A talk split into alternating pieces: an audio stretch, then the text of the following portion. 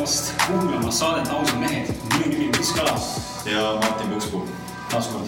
taas kord, endiselt. täna on uus saade, käes on episood hashtag kuuskümmend kuus, ilus, mõnus number, mis väidetavalt peaks ka inimese sellist esoteerilises mõistes inimese rahalist kuidagi niisugust materiaalset heaolu nagu toetama. ja, ja huvitaval kombel oleme täna ka rääkimas nagu rahadest ja, ja krüptovaluutadest. nii et ma arvan, et see on siin põhjusega enne kui ma sisse juhatan tänase saatekülalisi, siis võib-olla põgusalt siin Martiniga pool tundi tagasi sõitsime selle Bolti skuutriga ringi siin Tallinna linna vahel. lihtsalt testisime spontaanselt, et tõstime, sõidame ringi ja tunnistama, et sihuke lapselikkus lõi nagu välja. jumala lahe sõit nendega ja vahet pole, kakskümmend kilomeetrit tunnis, maks lagi, need piirangud peal, aga kuradi kihvt ikka, et nagu tehakse ja saab nagu üsna mõistliku hinnaga tegelikult ringi kimada. sa, Kristjan, oled ise proovinud, neid? Boldi, Boldi neid skuutreid ei ole proovinud veel, aga Boldiga sõidan iga päev muidu. väga lahe, ausalt väga lahe. ma olen täitsa šokis kohe noh. aga, aga, aga igal juhul lähme saate juurde, ma hakkan pikalt aega raiskama. ma loen siis väikse sissejuhatuse kokku, mis ma olen Kristjan sinust täna pannud siin. kuna meil sinuga on tegelikult ju ka sihuke ühine minevik, ütleme sihuke circa noh, päris kümme aastat ei ole võib-olla, ütleme viis-seitse aastat kindlasti ähm, olen koos käsipalli mänginud ja, ja koos ühes klubis mänginud ja siis üksteise vastu mänginud. et, et nagu on seda ajalugu natukene ja, ja mul on nagu hea meel näha, kuhu sa omadega täna jõudnud oled ja. ja siis ma üritasin kokku panna sellist enda primitiivse teadlikkuse ja, ja nagu informatsiooni hankimise pealt sellise väikse kokkuvõtte sinust mm.. aga ma olen täiesti kindel, et äh, tänane saade näitab sind selles äh, tõelises sinu valguses natuke rohkem ja natuke detailsemalt et Kristjan on meil noor ettevõtlik ja sihikindel mees, kelle üks unistustest on luua järgneva viie aasta jooksul maailma üks juhtivaid pankasid. oma startup'i ideega kaasas projekt Change aasta kaks tuhat kaheksateist Singapuris seitseteist koma viis miljonit dollarit. eelnevalt noorena mängis Kristjan pikalt käsipalli nii HC Tallases kui ka Viimsis, vabandust, HC Viimsis. Kristjan on varasemates intervjuudes öelnud, et kui tokenite müük algas ja nad nägid, kuidas miljonite kaupa raha tuli, siis sellist adrenaliini polnud ta varem kogenud, ehk siis käsipalli pakkunud seda lihtsalt millest saame ka täna natuke rääkida rohkem sellest tokeni müügist ja kogu sellest krüpto ja change'i panga olemusest. ja Kristjaniga teeme juttu ka sellest, kuidas olla aus mees enda ja enda meeskonna vastu ning klientide vastu. kuidas üles ehitada üks korralik töötav ning jätkusuutlik startup firma, kuidas hoida üleval motivatsiooni, inspiratsiooni ja palju muud põnevat. nii et äh, Kristjan, tere tulemast ausalt mehed saatesse. mul on väga hea meel siin olla ja tundub, et väga huvitav teema on täna saates. kas sa oled äh, varem mõnes podcast'is olnud äh,? jaa eriti jah, eriti krüpto temaatilises podcast'ides, podcast'ides olen olnud küll. aga rohkem välismaa kontekstis, mitte Eestimaal? täpselt, täpselt välismaa. pigem, otseselt krüpto mingi podcast'i või lihtsalt Äripäev või mingi muu sihuke rahaline podcast'i võib-olla täpselt, täpselt, et äh, just need, kes äh, neid erinevaid token eid siis analüüsivad, nad on teinud erinevaid siukseid äh, klippe. kui nad küsivad projektist ja, ja, niisama küsivad, kuhu krüpto läheb, et. et äh, igatahes minu, minu rõõm on siin olla teiega täna. paras, paras, paras porno oli meil Kristjaniga seda kokku leppinud, sest Kristjan ikkagi juhib, juhib meil ettevõtet, startup'i ja ma ise oma kogemusest natuke nagu tean, aga ma näen tuttavate pealt sõprade pealt, kellel on ka startup'id veel olemas. kõik räägivad sama asja, et see on meeletult aeganõudev, kurnav ja noh, mitte, mitte negatiivses mõttes kurnav, aga just see, et see on time consuming ja, ja lihtsalt aeg ja fookus läheb sinna ja paratamatult sul ei ole seda aega, et igal pool jagada, sest et juba esimesed need aastad on vist väga crucial nii-öelda onju ei jah, et tunduks nagu iga aasta läheb kergemaks, aga tegelikult iga aasta läheb läheb raskemaks. aga samas see adrenaliin, mis sa seal ennem ütlesid, kindlasti see on see, mis hoiab sind äh, teos. seda pulssi, pulssi töös jah? täpselt. väga lahe. mis tahtsid Martin öelda?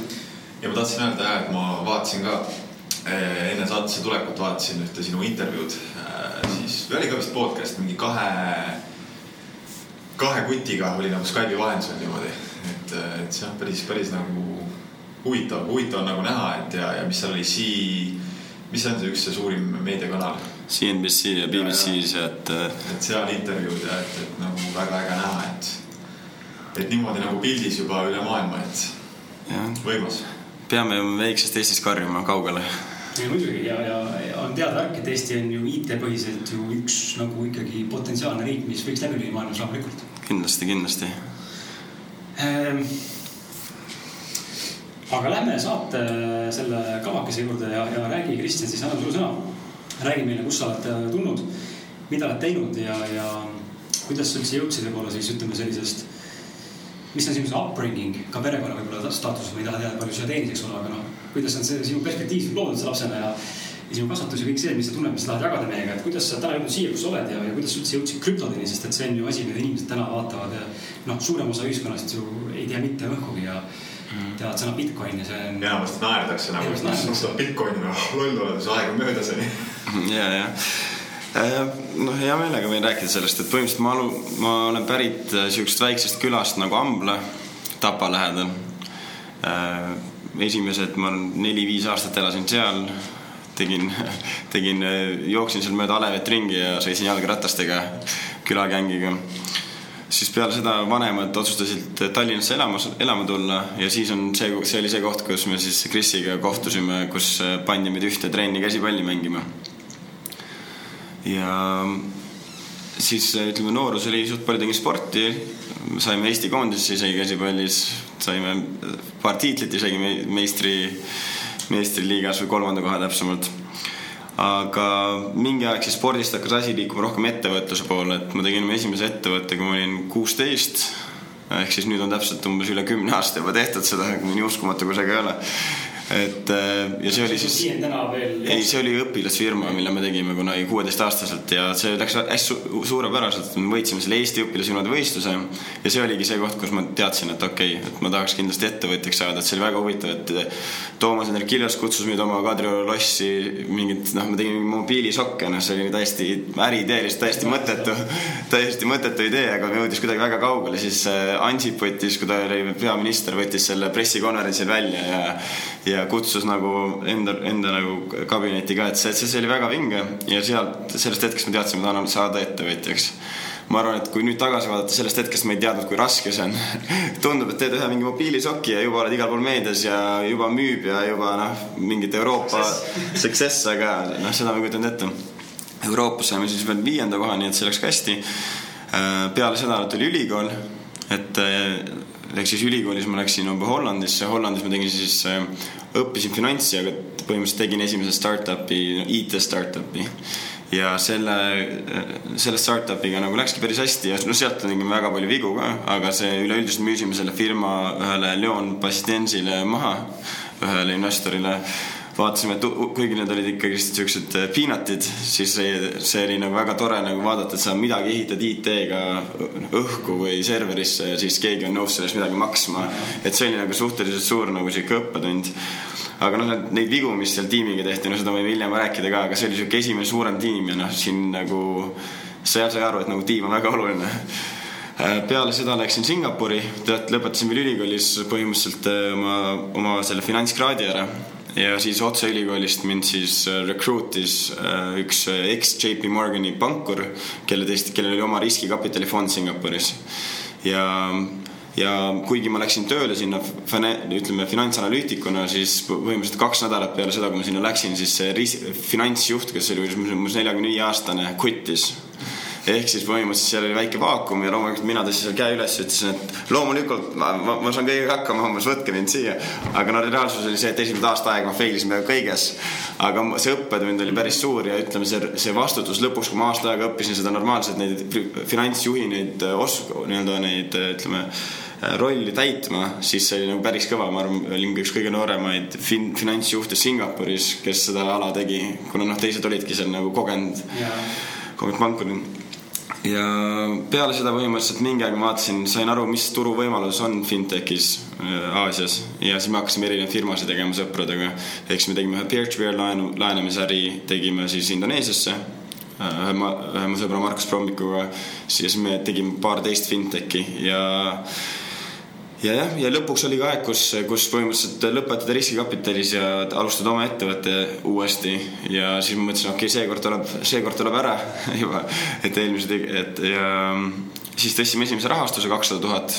Ja põhimõtteliselt kontseptsioon oligi ehitada, ehitada sihuke äh, detsentraliseeritud pank. Ja mida see tähendab, on see, et mida, üks asi, mida ma riskikapitalis õppisin, oli see, et et põhimõtteliselt sul on finantstehnoloogia ettevõte, mis teeb kõike paremini, mida pank on ju. näiteks sul on äh, sul on transaction mis teeb makseid paremini, sul on mingid investeerimisäpid, sul on mingid laenamisäpid, kõik fintech'id teevad kõike paremini kui pank, aga inimesed lähevad ikka pankade juurde.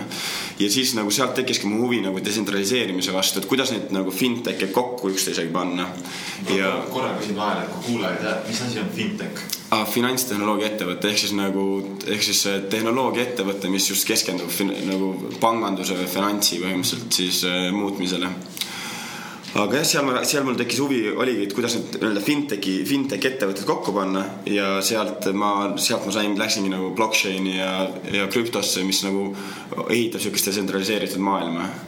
ja sealt change alguski põhimõtteliselt.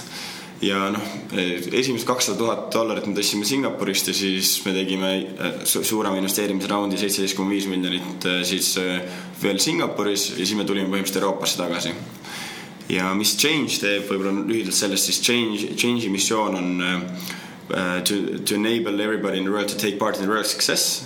mida see põhimõtteliselt tähendab, on see, et äh, tavaline raha, fiat raha, USA dollarid kaotavad kaks protsenti väärtust iga aasta. ehk siis, kui sul kaks tuhat aastal oli tuhat euri, siis, siis sul põhimõtteliselt kaks tuhat üheksateist aastal on kuussada dollarit ainult ostujõudu alles. täiesti uskumatu. ja ja siis küsitakse, et aga samas, kui sul on viissada USA suurimat äh, firmat, nad on viimase saja aasta jooksul teinud üheksa protsenti keskmiselt return'i. ehk siis küsimus on, miks inimesed kaotavad kaks protsenti oma raha väärtust iga aasta, kui neil on nagu lihtsalt mingid indeksid, kus nad saavad üheksa protsenti ilma, ilma riskita põhimõtteliselt on ju, et kuna see on diversify dud ära kõikide nende, nende firmadega ja see ongi meie missioon, et me tahame aidata inimest, kõikidel inimestel sellest maailma edust osa saada. ja kas see siis on aktsiad või see on krüptorahad Ähm, ja, ja miks praegu inimesed seda ei tee, ongi sellepärast, et see on liiga keeruline, see on liiga kallis investeerida, onju, ja nad ei saa kohe seda, seda nii-öelda raha kätte, onju. Change kõiki neid probleeme lahendabki, ehk siis see on ülimadalate kuludega, see on hästi lihtne äpp ja sul on kohe viisakaart ka, millega sa saad seda põhimõtteliselt, seda investeeringut siis, investeeringust väljuda. ehk siis lõppeesmärk oleks see, et keegi saaks öelda, et ei, investeerimine on keeruline, ei saa investeerida, kuna ei, see ei ole keeruline, see ei ole kallis, see on kohe su näppudel selle kaardiga. Et see, et see on see natuke, mille, mida, mida Change teeb ja, ja kuidas üldse me üldse ja siis me tulimegi Singapurist Eestisse tagasi nüüd me oleme Euroopas skaleerinud umbes kaheksa tuhande viiesaja kliendini. Äh, mis on umbes üle seitsmesaja protsendi kasv see aasta. vot mind paneb nagu imestama see tegelikult, et äh, mitte ainult Singapur, vaid üldse nagu enda isiklik kogemus ka viimase pooleteist aasta jooksul ja, ja ma näen ka üldse noh, Martiniga rääkisime praegu sellest enne saadet siin mm -hmm. ja paar päeva tagasi rääkisime töökaaslasega sellest, et noored nagu juhivad maailma mm. -hmm. ja kui me mõtleme selle peale, et kus me olime, kus me olime kümme aastat tagasi, et siis seal, seal sinu näide, et Singapuris nagu olid seal noorem onju, seal oli mingi neljakümne pluss vanuses mees, kes on siis juht mm. -hmm elu sees ei arvaks, et meiesugused noored saavad juhi positsioonidele kunagi üldse saada sellises vanuses. vanasti oleks olnud nagu täiesti nagu never ever gonna happen mm. -hmm. aga täna on see uksed väga avatud. Ja üldse ongi nagu natuke hirmutav selles mõttes, et ise ka noh, täna ma lähen kahekümne kaheksale, mitte küll palju, aga ikkagi on see tunne, et kurat, need, need nagad, kes tulevad seal peale seitseteist, kuusteist onju. Mhm. jumal, kurat, need varsti lammutavad siin juba nelja aasta pärast, teevad igasuguseid asju, et sa oled siin, istud kodus ja mõtled, et no, aga kus ma olin noh et nagu selles mõttes tundub, et see, see nagu see ametialane üldse see aste ja üldse kogu see finants ja kogu see raha teenimine, üldse ettevõtlus, kõik see liigub nagu vanusegrupi mõttes kogu aeg nagu allapoole. üha nooremasse ikka nii-öelda mm. -hmm. et nagu väga, väga lahe nagu näha tegelikult seda, et ühtepidi nagu arenguliselt tundub evolutsioonis, et me oleme nagu valmis.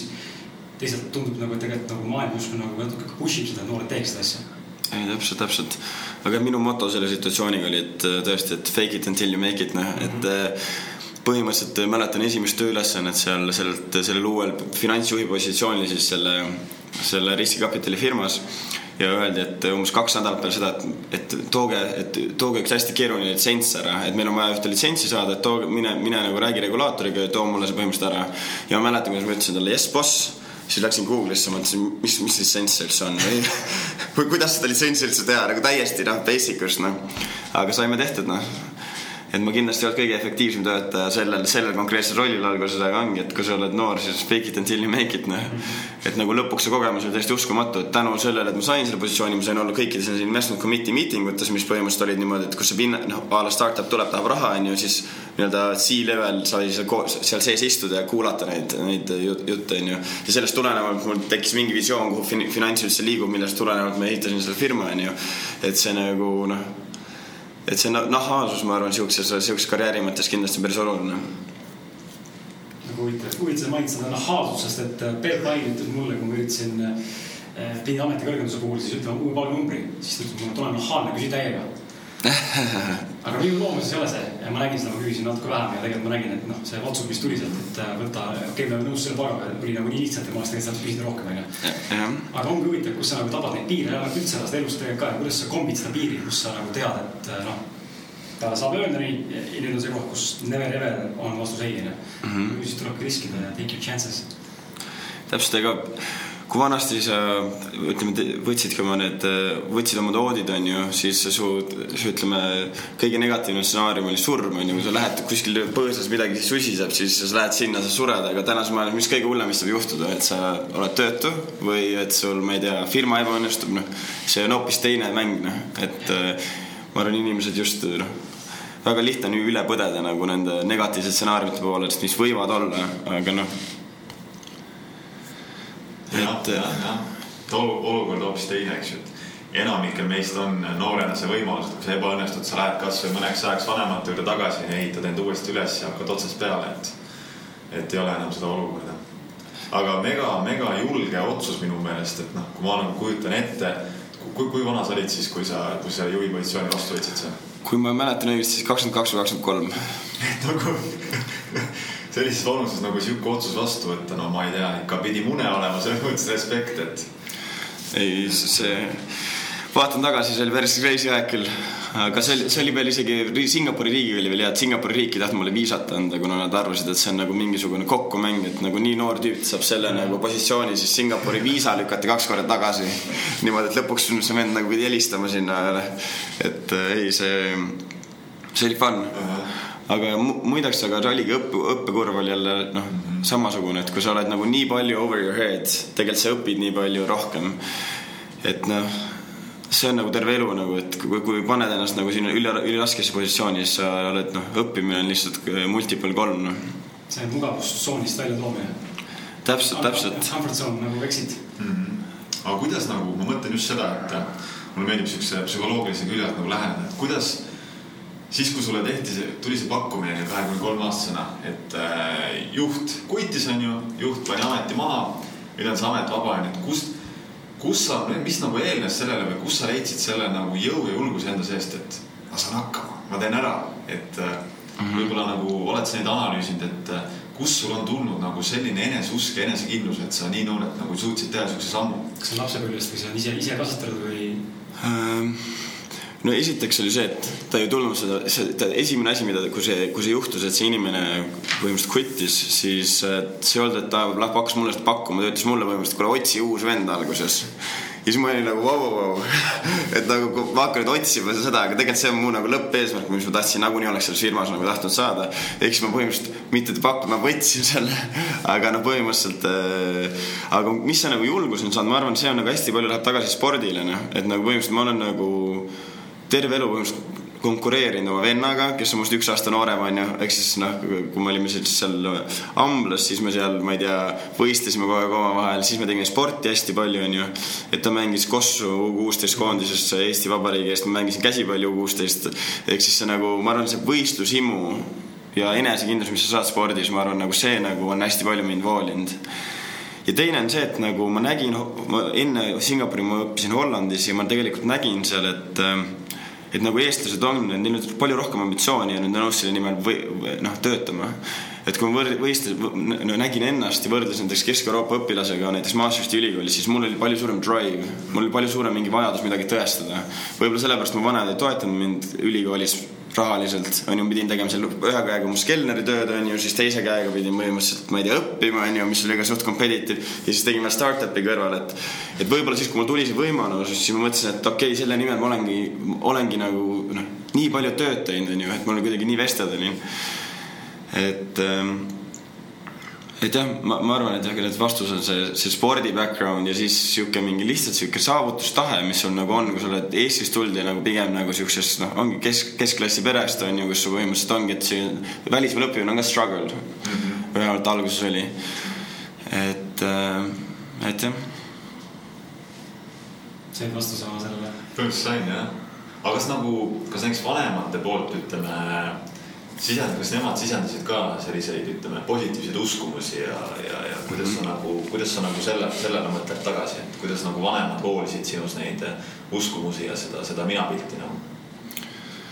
ja ma arvan, et mu vanemad on nagu terve elu äh, ja ma olen väga tänulik neile, väga terve elu väga toetavad olnud ja ja ma arvan, et äh, nad on mulle sisestanud selle, et kõik põhimõtteliselt, mida sa ette suudad kujutada, on võimalik ja ma reaalselt usun sellesse, et äh, ma usun, et kui sa võtad näiteks äh, seitsmenda klassi õpilased ma kujutan ette, kolmkümmend suvalist inimest on pandud klassi kokku, siis kui need, need inimesed järgmised kakskümmend viis aastat töötaks selle nimel, et kulgur ümber marsi saada, siis nad teeks selle ära mm. -hmm. Aga lihtsalt tavaliselt juhtub see, et need kolmkümmend viiest inimesest järgmine päev ütlevad või kümme, et kuule, ma seda jama, selle jamaga ei viitsi tegeleda.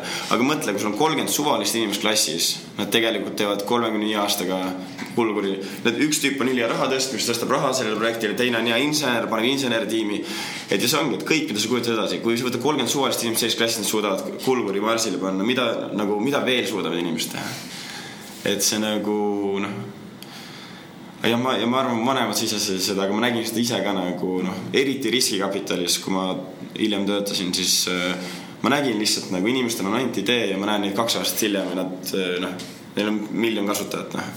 Et äh, noh, ma arvan just need kogemused, näha, mis on võimalik nagu väljaspoolt ja toetav sihuke pere, ma arvan, need olidki nagu siuksed äh, põhifaktorid, miks ma reaalselt usungi, et kõik on võimalik, kõik, mis on füüsiliselt võimalik, on võimalik et näiteks kui te ütlete, et see podcast on, ma ei tea, Skandinaavia kõige kuulatum podcast, ma ei tea, seitsme aasta jooksul on, siis te teetegi selle ära, kui te lihtsalt noh, et, et noh, nii see see ongi. eeldab muidugi seda, et sul on see uskumus ja sisemine nagu noh, teadmine enda asja tehes, et mul on teadmine, et see podcast õnnestus, sul on teadmine, et Change Pank õnnestub. ja sa pead uskuma sellesse sa täpselt pead. tegema meeletut tööd, et noh, puhtalt uskumisest ja õnnistamisest ju tegelikult selles mõttes nii-öelda ei piisa, mul istub käed rüppes, mõtlen, et kuradi, ma olen siin ka Endris ja siis ootan.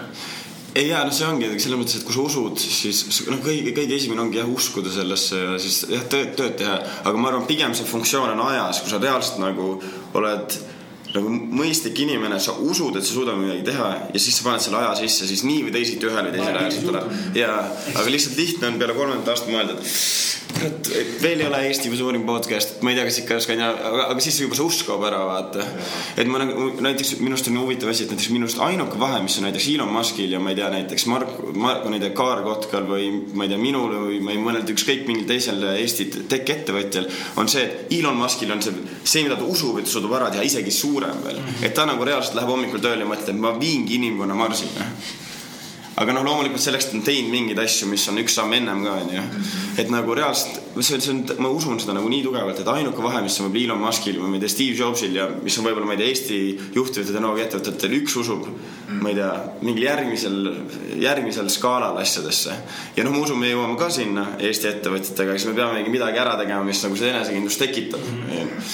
et, et see on huvitav sihuke nagu noh, kontsept. ja, ja et näiteks kui sina on ju suudad selle Change Panga täita oma visiooni täielikult, siis see on nagu nii paljudele järgmistele noortele inimestele ju sihuke hüppelaud, et vau, kui Kristjan tegi selle ära, onju, meie oma Kristjan, et mida me siis suudame, et. jah, täpselt, täpselt, täpselt, täpselt, täpselt. ei, elu, elu on ikka, selles mõttes elu on ikka lahe. ise tuleb push'i, ise tuleb usku, ise tuleb teha. Keegi teine sinu eest nagu ei hakka su elu, ei hakka su elu siin korrastama ega heastama Mm -hmm. ja ei midagi teha selles mõttes. lahe, Allan Johanna, ehk siis sinu selle võti võib-olla siis on nagu see patience, ajaline, ajaline faktor nagu, et äh, lihtsalt tee, ole kannatlik ja varem või hiljem see juhtub, kui sa teed. ja ma ei, ma alati olen öelnud, et, et uh, I m not talented but I work hard äh, hard work beats talent every day. täpselt, et, et äh, sama on salsa tundidega või, või startup'iga, et ma arvan, et ma arvan, et mis minu edus, edus on saladus, on see, et ma olen päris tugev, ma olen, ma arvan, ma arvan, ma visualiseerin päris hästi asju, ehk siis ma, kui ma midagi ette kujutan, mida ma tahan saavutada, siis ma endale visualiseerin selle ära ja lihtsalt nagu ei anna alla ennem kui ma jõuan sinna lähedale. või kui on mingid väga suur, ütleme, tugevad tõendusmaterjalid et see ei toimi mm. -hmm. Et ma arvan, et see ongi, et see sihikindlus on, ma arvan, on, on põhiline nagu jah kas sul on mingid, lähmegi kohe, enne kui krüpto juurde lähme, siin on mõned küsimused tegelikult, mis on tegelikult äh, head küsimused, aga mis ma tegelikult tahaks küsida võib-olla saate lõpus alles, aga kas sul on endal mingid kindlad edukuse või edureeglid või rutiinid, mida nädalast nädalasse järgida, mis aitavad sul hoida seda fookust, sa praegu mainisid seda visualiseerimist mm. -hmm. võib-olla sul on äh, selle najal tuua mingi näide või, või mingi muu najal tuua näide, mismoodi sa teed seda, mismoodi see reaalselt välja näeb, sest me kõik teeme ju, meie enda see inner world töötab kõigil nii teistmoodi erinevalt mm. -hmm ja et põhimõtteliselt äh, see visualiseerimine on nagu asi, asi, mida ma teen nagu tegelikult suht unconsciously, et äh, et äh, ma lihtsalt kujutangi ette, oletame, et näiteks praegu meil nagu suur otsus, et kus, kuhu me Kesk-Euroopas kontori teeme, onju. ja tegelikult sul on nii palju faktoreid, sul on nagu, ma ei tea tuhat erinevat faktorit, mille pealt selle otsuse peaks tegema, kuhu Kesk-Euroopas teha, onju. aga ma juba näiteks üks hommik mõtlesin endast, davai, et okei okay,, kui meil oleks Amsterdamis kontor, onju, okei okay,, ma tean enam-vähem nagu kujutan ette, kuna ma olen seal õppinud, onju, mis seal, kuidas need inimesed seal on, onju, siis mul on see info, näiteks meil tehti mingi uuringud, onju, et ma hakkan juba veits kujutama ette, et kuidas nagu kontor näiteks välja näeb et noh, see on üks näide, aga loomulikult see on palju relevantsem, kui sa räägid üldse nagu tootevisioonist ja kus sa lõpus tahad olla, et kas sa kujutad ette, et seda nastagi kella helistamas endas või kell on mingi teistsugune nagu see lõppeesmärk on ju, et see, seal on see isegi veel tugevam on ju.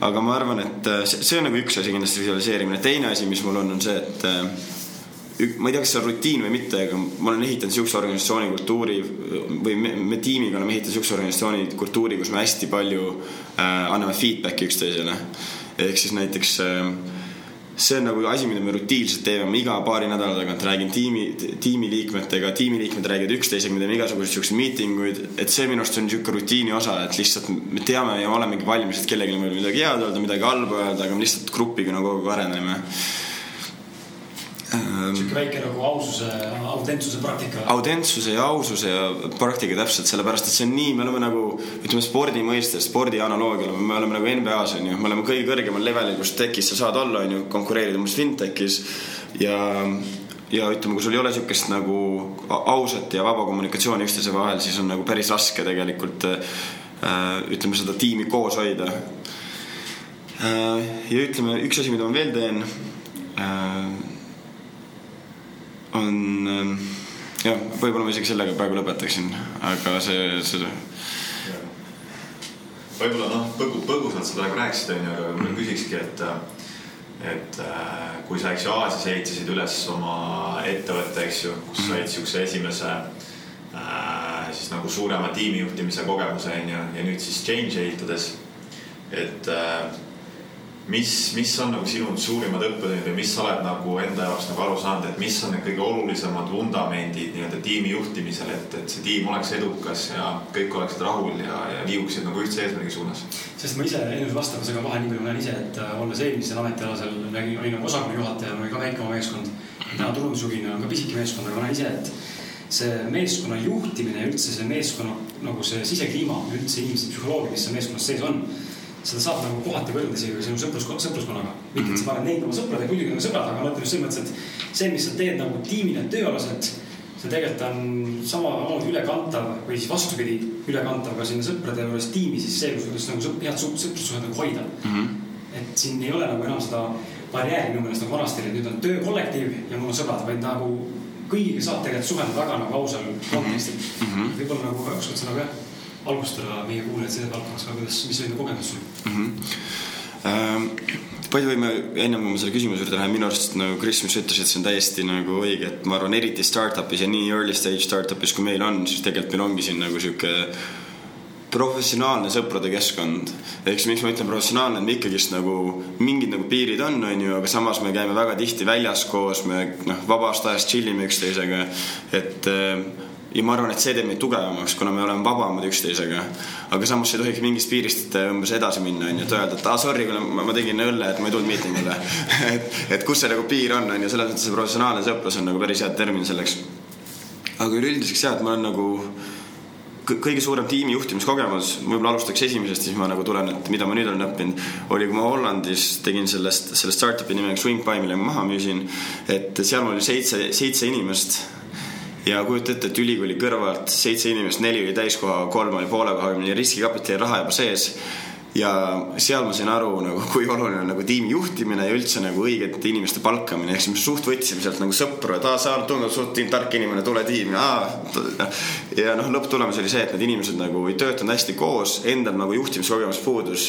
see nagu lõpptulemus oli see, et nagu põhiline primaarne motivaator, miks see maha müüa oligi, et ma nagu, ma nägin, et selle tiimiga nagu see arvatakse edu, liiga edukaks ei saa, pigem nagu teeme siit nagu väikse exit'i. Ähm, aga nüüd, kui rääkida nagu jah, ja sest järgmine oli juhtimiskogemus oligi riskikapitalis, kus meil oli, no meie tiim oli seal mingi kaksteist inimest ja noh, nüüd Change'is on meil kakskümmend kolm inimest, et niimoodi vaikselt on nagu, vaikselt on nagu edasi läinud. Äh, aga jah, ega siin on nagu mingit väga suurt nagu lisainfo nagu siukest ütleme big revelation'it ei ole, et siin on samad asjad, et inimesed peavad teadma, kuhu nad lähevad, et kuhu meie, mis see lõppeesmärk on. Äh, kui inimene ei tea, miks, miks ta seda teeb ehk siis, et mis see missioon on, et kas, et nagu, kas me teeme raha, kas me tahame inimesi aidata, kas me teeme mingit kolmandat, ütleme, see on väga oluline nagu, millest kõik algab, et, et terve tiim saaks aru, kuhu me lähme ja mis visioon on. siis nagu tulevad sisse nagu väiksemad asjad, et äh, iga inimene peab aru saama, kuidas tema töö äh, sellesse suurde pilti mängib. ehk siis näiteks, kui sul on äh, ma ei tea, näiteks finantstiim on ju, kuidas need, see finantstiim aitab meid lähemale sellele suurele eesmärgile. näiteks meie puhul me tahame, meie visioon on saada Euroopa kõige kasutatavamaks investeerimisäpiks kaks tuhat kakskümmend kaks aastal. kõik tiimid peavad aru saama, kuidas me põhimõtteliselt sinna, kuidas ne, nema, nende, nende nii-öelda tiim aitab meid sinna saada ähm,. edasi, inimestel, inimesed peavad, noh, inimestel peavad aus, ausat tagasisidet, on ju, ja ka kui nad teevad head tööd, siis põhimõtteliselt neile siis noh, seda näitama tiimi ees, et nad on midagi, millegi heaga hakkama saanud, on ju. et kõik siuksed väiksed asjad, mis motiveerivad nagu seda tiimi veel tugevamaks saada, on nagu olulised ähm, no ja siis tulevad nagu noh, siis on nagu siuksed asjad, et igal tiimil on meil eraldi nagu printsiibid, mille järgi ütleme, nad äh, nii-öelda tegutsevad. meil on põhimõtteliselt viis printsiipi, et meil on, äh, me oleme hästi nagu tulemustele orienteeritud, me oleme äh, me oleme hästi nagu avatud tagasisidega, tagasisidega üksteisega, me palkame hästi driven inimesi. ja noh, seal paar tükki veel, et põhimõtteliselt seal on siis veel oma printsiibid, mis nagu igal tiimil on see oli huvitav minu meelest, äkki sa tahad seda jagada siin, mis te siin just toimus siin kaks mm -hmm., viis, kümme, tegelikult kakskümmend minutit tagasi nägime siin ja et põhimõtteliselt iga hommik meil tootetiimid siis äh, teevad siukse väikse stand-up'i kümme minutit, kus nad äh, räägivad, mis nad eel, eelmine päev tegid ja mida nad järgmine päev teevad. et lihtsalt nagu sünkida jälle, et sihuke feedback'i kultuur oleks. ja et noh, kõikidel oleks nagu alati teada, et kuhu tiim liigub oli nagu hommikune stand-up, mida sa nägid. sest et see nagu annab ka selle tunde kohe, et nagu tihtipeale, noh, ma ise näen praegu selles kohas töötades, kus ma, kus mind tegelikult koondati mm. -hmm. mitte, et ma ei saanud hakkama, aga võib-olla ei saanud hakkama, aga, aga pigem oli see, et ettevõttel läks materiaalselt üsna, üsna kehvasti see aasta. tähendab eelmine aasta mm. -hmm. siis nagu tuli see otsus vastu võtta, aga ma näen seal, et näiteks tiim ei suhtle üldse. ei suhtle üldse? ei, omanikud juhtidega, juhid noh, nii-öelda teiste enda meeskonnaliikmetega no väga väga kuidagi pinnapealne kõik see ja mm -hmm. sellele on näha, on näha ka, et see kuidagi ei tööta üldse omaniku puhul jälgides. noh, kui ta mind kuulab täna siin, siis ähm, tere õhtust on ju, või tere hommikust, aga, aga mitte halvaga öeldes ma näen, mis ma, mis ma nagu taipasin ükspäev siin alles hiljuti teda kuulates. kus siis vahepeal ikka omanik räägib, mis ta tahaks teha, eks ole, muud teeb kogu aeg, mida paremat, mida mitte. mis ei meeldi, siis ma tegelikult sain aru sellest, et inimene tegelikult ajab taga alateadlikult raha mm, -hmm. pakkudes hästi palju nagu erinevaid tooteid aga ta enda soov on teha midagi väga nišipõhist, aga see ei müü nii hästi, sest see pole kommerts mm. -hmm. ja ta pakub seda kommertsi, aga samas sees on õnnetu, aga sa ei saa teha minu meelest ettevõtet niimoodi, et sa ise tegelikult tahad teha midagi muud. aga ma pigistan silma kinni ja ma teen midagi laiemale spektrile, lootes, et siis äkki teised ka ise ja teised inimesed ka mõistavad mu visiooni, kus ise tegelikult ei ole piisavalt clear oma, oma eesmärgis ja visioonis mm. -hmm. see on nagu väga suur käär minu jaoks ja ma näen seda selle ettevõtte puhul väga tugevalt mm. -hmm et äh, selles mõttes on nagu lahe hea kuulata, et sul on vähemalt, äh, on see eesmärgiks, et inimesed saaks aru, mida nad teevad siin ja mis, mis sa tegelikult ise tahad sisimas tegelikult teha ei täpselt, aga just see nagu, et töötajate kuulamise pool, et näiteks üks asja, noh, kui mingid ettevõtjad kuulavad, siis me teeme näiteks iga kord, iga kuu teeme team retro'd. ehk siis terve tiim istub koos, kõik ütlevad nagu mad, sad, glad, et mis neile meeldib, mis, mis neile ei meeldi, mida nad tahaks parem, mida nad tahaks paremini teha tiimina. ettevõtte siseselt, ehk siis kõik saavad rääkida põhimõtteliselt ringis ja ma arvan, et see on nagu meile väga kasulik olnud, sellepärast et tõesti noh, probleemid tekivadki siis, kui inimesed ei räägi nagu nendest. see on üldse elu, elu, elus samamoodi, kui sa ei räägi enda sõbra ja vanematega või, või kelle iganes, siis noh, see ongi mis, mis, miscommunication täielik. jah, just, et kui me jätame mingid asjad nagu enda sisse käärima, eks ju, ja siis see hakkab tahes-tahtmata pingeid tekitama ja, ja isegi inimesed hakkavad võib-olla vastu töötama eesmärkidele ja et see on nagu väga, väga selles mõttes oluline minu meelest, et sa mm -hmm. oled nagu siukse mm, -hmm. suutnud nagu siukse, siukse kultuur, siukse nagu sisekultuuri luua, et mm. -hmm. äge, respekt. tänud, tänud, tänud. aga see ei ole, mina ei ole loonud seda, meie tiim on koos selle loonud. absoluutselt. aga suur ikkagi noh, selles mõttes sind tuleb tunnustada, sa oled ju selle ettevõtte omanik no meil tegelikult kusjuures, seda küll, aga meil tegelikult on, me oleme suht huvitav ettevõte, et meil terve, kõikidel tiimiliikmetel on osalus. et ehk siis me oleme siukse nagu programmi ehitanud, et, et, et saada parimaid talente change'i, et põhimõtteliselt kõikidel inimestel, keda siin näed, on, on väike osalus et ja see on siiamaani väga hästi töötanud, kuna kõik ongi omanikud ja loomulikult, kui sa oled omanik, siis töötad rohkem ja sa rohkem oled nõus tooma ohverdusi, et see asi oleks edukas. see ongi see key, key. kui sa, kui sa tunned, et sa oled key value person meeskonnas, sa oled omanik, millest räägivad enamik suured kuulud, kes siin oma raamatud ja seminare annavad, siis see, selle tunde loomine, et ma olen omanik ja kaasomanik, see justkui nagu kuidagi annab inimestele selle drive'i juurde.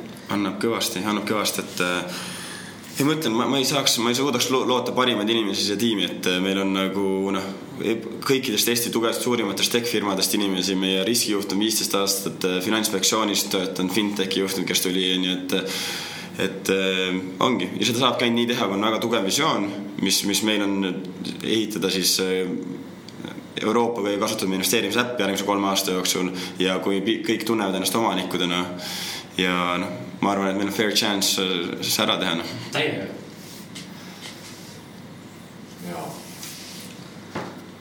see on jälle see koht, kus tahaks nagu korra võtta aja, aja maha ja mõelda, et nagu vau wow,, et ei no äge, ma nagu tõsiselt tun-, tahan nagu tunnustada selles mõttes, et võib-olla kohati raske võtta tunnustust vastu, aga nagu nii noorelt nagu näha sellist visiooni ja, ja, ja, ja luua kõik see, mis sa oled teinud, et see nagu tõsiselt äh, tunnustamist väärt, et. Mis mulle just meeldis sinu alguses oli ka see, et sa ütlesid, et sul on, sinus on sees olnud see tunne, et sa oled äh, loodud ettevõtjaks ma arvan, et see on üks key component, mida siit vestluses ka veel kaasa võtta, sellepärast et äh, ma tegelikult tahangi, tahtsingi selleni jõuda ka siin saate jooksul, aga mida ma ise olen näinud ka, et kui sa suudad elus ära tabada selle hetke, et sa mõistad, mida sa oled tulnud nagu tegema, milles on sinu see nagu noh, see, see passion, see kirg, see, see mm -hmm. sinu see meeletu ambitsioonikus, nagu effortless ambitsioonikus mm. -hmm. nagu mul näiteks mingi mõne muu asja puhul on, siis, siis, siis see on see, kuhu tuleks nagu täiega rauda ja see on minu meelest üli, ülimalt nagu success factory nagu üks suurimaid key'st seda nagu mõista, aga ma ei oska inimestele anda nagu soovitust, kuidas seda tabada mm. -hmm. et sa nagu ise nagu öelda võib-olla, võib-olla sa ei oska, ma ei tea, aga et kuidas nagu inimene peaks nagu suutma märgata seda, et vot raisk, vot see on vist see, mida peaks tegema. ma siis panen sinna või et kurat, ma olen ära siin ja ma oma tee nagu leida, ära, ära tunda nagu vaata. siin praegu siin tunnen, et kurat, ma olen õnnetu, mulle ei meeldi midagi ette kirjutada ja ah, ma ei oska ja, ja tegelikult nagu teha silmad lahti, et võib-olla see on vale koht, mine ära siis mm -hmm. avaneb uus kuskil mujal, aga inimesed nagu ei suuda nagu leida, ei suuda nagu jah, mitte ei suuda leida, see on üks asi ja teiseks nagu, nagu ära tunda seda teed ja nüüd ma olen sellel teel praegu käinud juba siin, nagu ütlesin, ka sa oled ettevõtja alati olnud mm. -hmm. et noh, võib-olla oskad sa siin äkki natuke kaasa rääkida? ma, ma võin, jah, ma arvan, et siinkohal ma tegelikult võin rääkida, miks miks ma üldse, ütleme, miks mina üldse tehnoloogiafirmasid teen, et seda reasoning'i oleks ka huvitav nagu teha, aga ma arvan, ainuke võimalus seda ära tabada ongi proovida erinevaid asju. et siin vist nagu ma ei tea, mõnda sõpra oled üritanud ka aidata, mõne, noh, mõnel ongi, et ta, ta on nagu noh, on näiteks kolmkümmend ja ta, ta ei tea, mida teha saab. aga samas siis nagu sa küsid, et okei okay,, mis sa juba proovinud oled nagu, et mis sa oled nagu maha tõmmanud? no ma ei tea, ma olen mõelnud erinevatele asjadele, aga no nii ei saagi, et ma arvan, et ma arvan, et jah, et lihtsalt erinevaid asju proovida, mis tunduvad huvitavad ja kunagi ei ole õigeid otsuseid ja kui ei ole, siis järgmine on ja kui järgmine ei ole, siis ülejärgmine on, kõik need kogemused nagu arenevad siin, et noh ma ütlen ausalt, et see, et ma näiteks jõudsin sinna tehnoloogiafirmadeni, mida ma praegu teen, see on nagu kombinatsioon nii paljudest erinevatest asjadest, mis oleme fail inud, onju. ma ei tea, kuskil keskkoolis mingi kooli presidendiks kandideerida, fail ida kuskil, ma ei tea, Venemaal keelelaagris käia mingi, noh, ma ei tea, üritanud, ma ei tea, finants või noh, finantsi õppinud onju, teinud IT-ettevõtet, sealt hakkab juba vaikselt looma, onju. siis minna riskikapitali vaadata, et ikka corporate mulle ei sobi, onju. järjest sa nagu proovid ja fail'id erinevate asjadega mingi piirini, kuni sul mingi aeg nagu lööb põlema. oi et äh, ja, ja minu puhul see noh, tuli, tul-, tuluke oligi see, et kui sa teed tehnoloogiafirma, siis ük-, põhimõtteliselt kakskümmend inimest siin ruumis, no sa, te olete meie kontoris praegu, on ju, kakskümmend inimest võib muuta miljonite inimeste elu. nagu, et kujuta ette nagu seda laulupidu, on ju, sada tuhat inimest, kujuta ette nagu laulupidu korda kümme, on ju, aktiivselt põhimõtteliselt läbi Mobla sinuga suhtlevad, on ju, ja seda teevad kakskümmend inimest ruumis mm. -hmm et see nagu on nagu see, miks näiteks, kuidas ma nagu defineerin seda, mida ma iga, ma tulen iga päev tööle, mõtlen, et me muudame miljonite inimeste elu. ja et, et see on impact, mingisugune impact'i ja legacy, mis sa jätad, onju. ja see on nagu motiv-, see see motiveeriv mõnel võib-olla on hoopis teine, onju, sa võid ka kunsti või millegi asjaga mingit impact'i luua, mõnel on üldse, et tegelikult lihtsalt õnnelik olemine on nagu ka väga sihuke oluline. et kindlasti see, noh, et, et et jah, see on ühesõnaga lühidalt see soovitus on proovida erinevaid asju ja noh, mina leidsin selle tehnoloogia ettevõtlusel, see ei pea üldse olema nagu noh. et see väline edu kindlasti peaks põhimeetrik olema pigem, mis sind sisemiselt õnnelikuks teeb noh. tahtsingi enne jõuda selleni ka, et ongi huvitav, et et noh, täna räägime küll sinust ja sellest fintech'ist ja üldse nagu tehnoloogia arengu poolest, aga inimesed võib-olla, sa kuulajana ka, kui sa meid kuulad praegu, siis võib-olla, mis mulle pähe kargas, ongi see mõte, et ikkagi teed seda, mis sa teed, raha ei ole ainult nagu ühes konkreetses valdkonnas elus, nagu sa midagi teed passion'iga, sul on kirg sellesse vastu, sa lõpp, siis, siis see raha nagunii mingi hetk valvab sind. lihtsalt on küsimus jah, mis ta, mis mastaabis on ju. siis ma hakkasin mõtlema, Martin, sa tänasid vaata onju, kiitsid onju. et on inimestega tekib see tunne, et no mina ei tea, see vend siin oli seal Singapuris ja mis ma olen siin mingi Lasnamäe sportlane, mingi treening teinud, ma ei oska midagi teha ja et nagu ta ei tahagi, see nagu noh, võib-olla tekib see kadedus ja tekib see trots, vaata, ma olen liiga loll ja mis iganes, aga tegelikult see ei ole, sest sa, sa ei pea mõtlema selles kontekstis, kus Kristjan täna on. see on tema valdkond, see on, see on, see on sinu tee. minu tee ei ole kindlasti fintechi, ma ei tunne kadedust sellepärast, et ma ei oleks elu sees sellest ise, ma ei läheks ise kunagi sellest sisse. aga vanasti tundsin kadedust, kui nägin kedagi, vaatasin, fuck, see vend edukas, et ma ei tea, fuck you onju. aga noh, täna mõistan, et see ei ole minu tee. järelikult miks ma peaks tundma kadedust, kui mu tee miski muu, kus tegelikult ka raha liigub samamoodi. Täpselt. Täpselt. Ükskõik, palju see Lasnamäe sportlase asi oli hea näide, sest ma ise olin ka Lasnamäe sportlane. Aga, aga ei, selles mõttes äh, ma olen täiesti nõus sellega, ma arvan, et äh, ükskõik, mida sa elus teed, kui sa oled selles hea, siis raha tuleb. nagu ma täiesti usun, kui see on hobuste ratsutamine või ma ei tea, kunstnik või ma ei tea, skulptor või mida iganes kuduja, kui sa oled maailma parim, siis raha on seal alati. aga lihtsalt siis tuleb jälle tagasi, mis me ennem rääkisime, et nagu enamus inimesi, kui nad panevad mingi sihi, nad enne sihile jõudmist annavad alla, mõtlevad, okei okay,, ma neli, maalinud olen juba kümme aastat, aga tundub, et see ei ole ikka minu teema. Aga kui ta, usun, kakskümmend aastat teeb ära, siis ta ikkagist nagu noh, see statistiliselt juba see protsent suureneb aina rohkem, mida kauem sa seda asja teed et ju jah, see nagu see Nike'i reklaam, noh, you only, you only fail when you quit, noh. see on hea, see praktiline tegelikult meeldetuletus endale tegelikult näide ka, et ongi just see, see ajaline faktor, et kui sa teed, siis no varem või hiljem, noh mm -hmm., sa ei saa jääda eluks ajaks samale punktile sõitma, sa ikkagi arened kogu aeg ei täpselt ja, ja seda näevad ka näiteks noh, kui rääkida tehnoloogiafirmast, seda näevadki investorid näiteks noh, näiteks Change on nüüd neli aastat vanem. Nad näevad, et me oleme nagu samamoodi nagu nad esimesest päevast nägid, me oleme sama sihikindlad ainult nagu kasv tuleb juurde, tiim läheb suuremaks ja noh, väliselt natuke mingi, mingisugune noh, edutunnetus on, aga me oleme ikka sama locked in ja tegelikult investorid hindavad seda ka mm -hmm. startup idena. kuna no, enamus probleeme ongi mingi tiim, ma ei tea, läheb laiali või ma ei tea, ei, annavad alla mingi, esimene mingi noh, turg natuke muutub, kasvu ei ole, annavad alla, onju. või siis võib-olla, mis on sihuke tundub sihuke klassikaline noorte ettevõtjate viga, et kui esimese raha matsi saavad suhu, siis kohe on ju uued autod, asjad ja natuke nagu see fookus hakkab kaduma, et. ei täpselt, et äh, jah, nii see kahjuks ongi. sellepärast ma sõidangi Boltiga, kui ma siin vist Bolt sponsoreerib seda saadet aga selline küsimus, et on sul ka mingid kindlad nagu edureeglid või rutiinid, mida sa igapäevaselt äh, teed ja rakendad, juba küsisid või? hommiku kohta küsisin, aga päeva, no tegelikult ma küsisin seda. noh, no siis lähme edasi. aga. no aga lähme krüpto juurde. Lähme krüpto juurde siis. Ehm,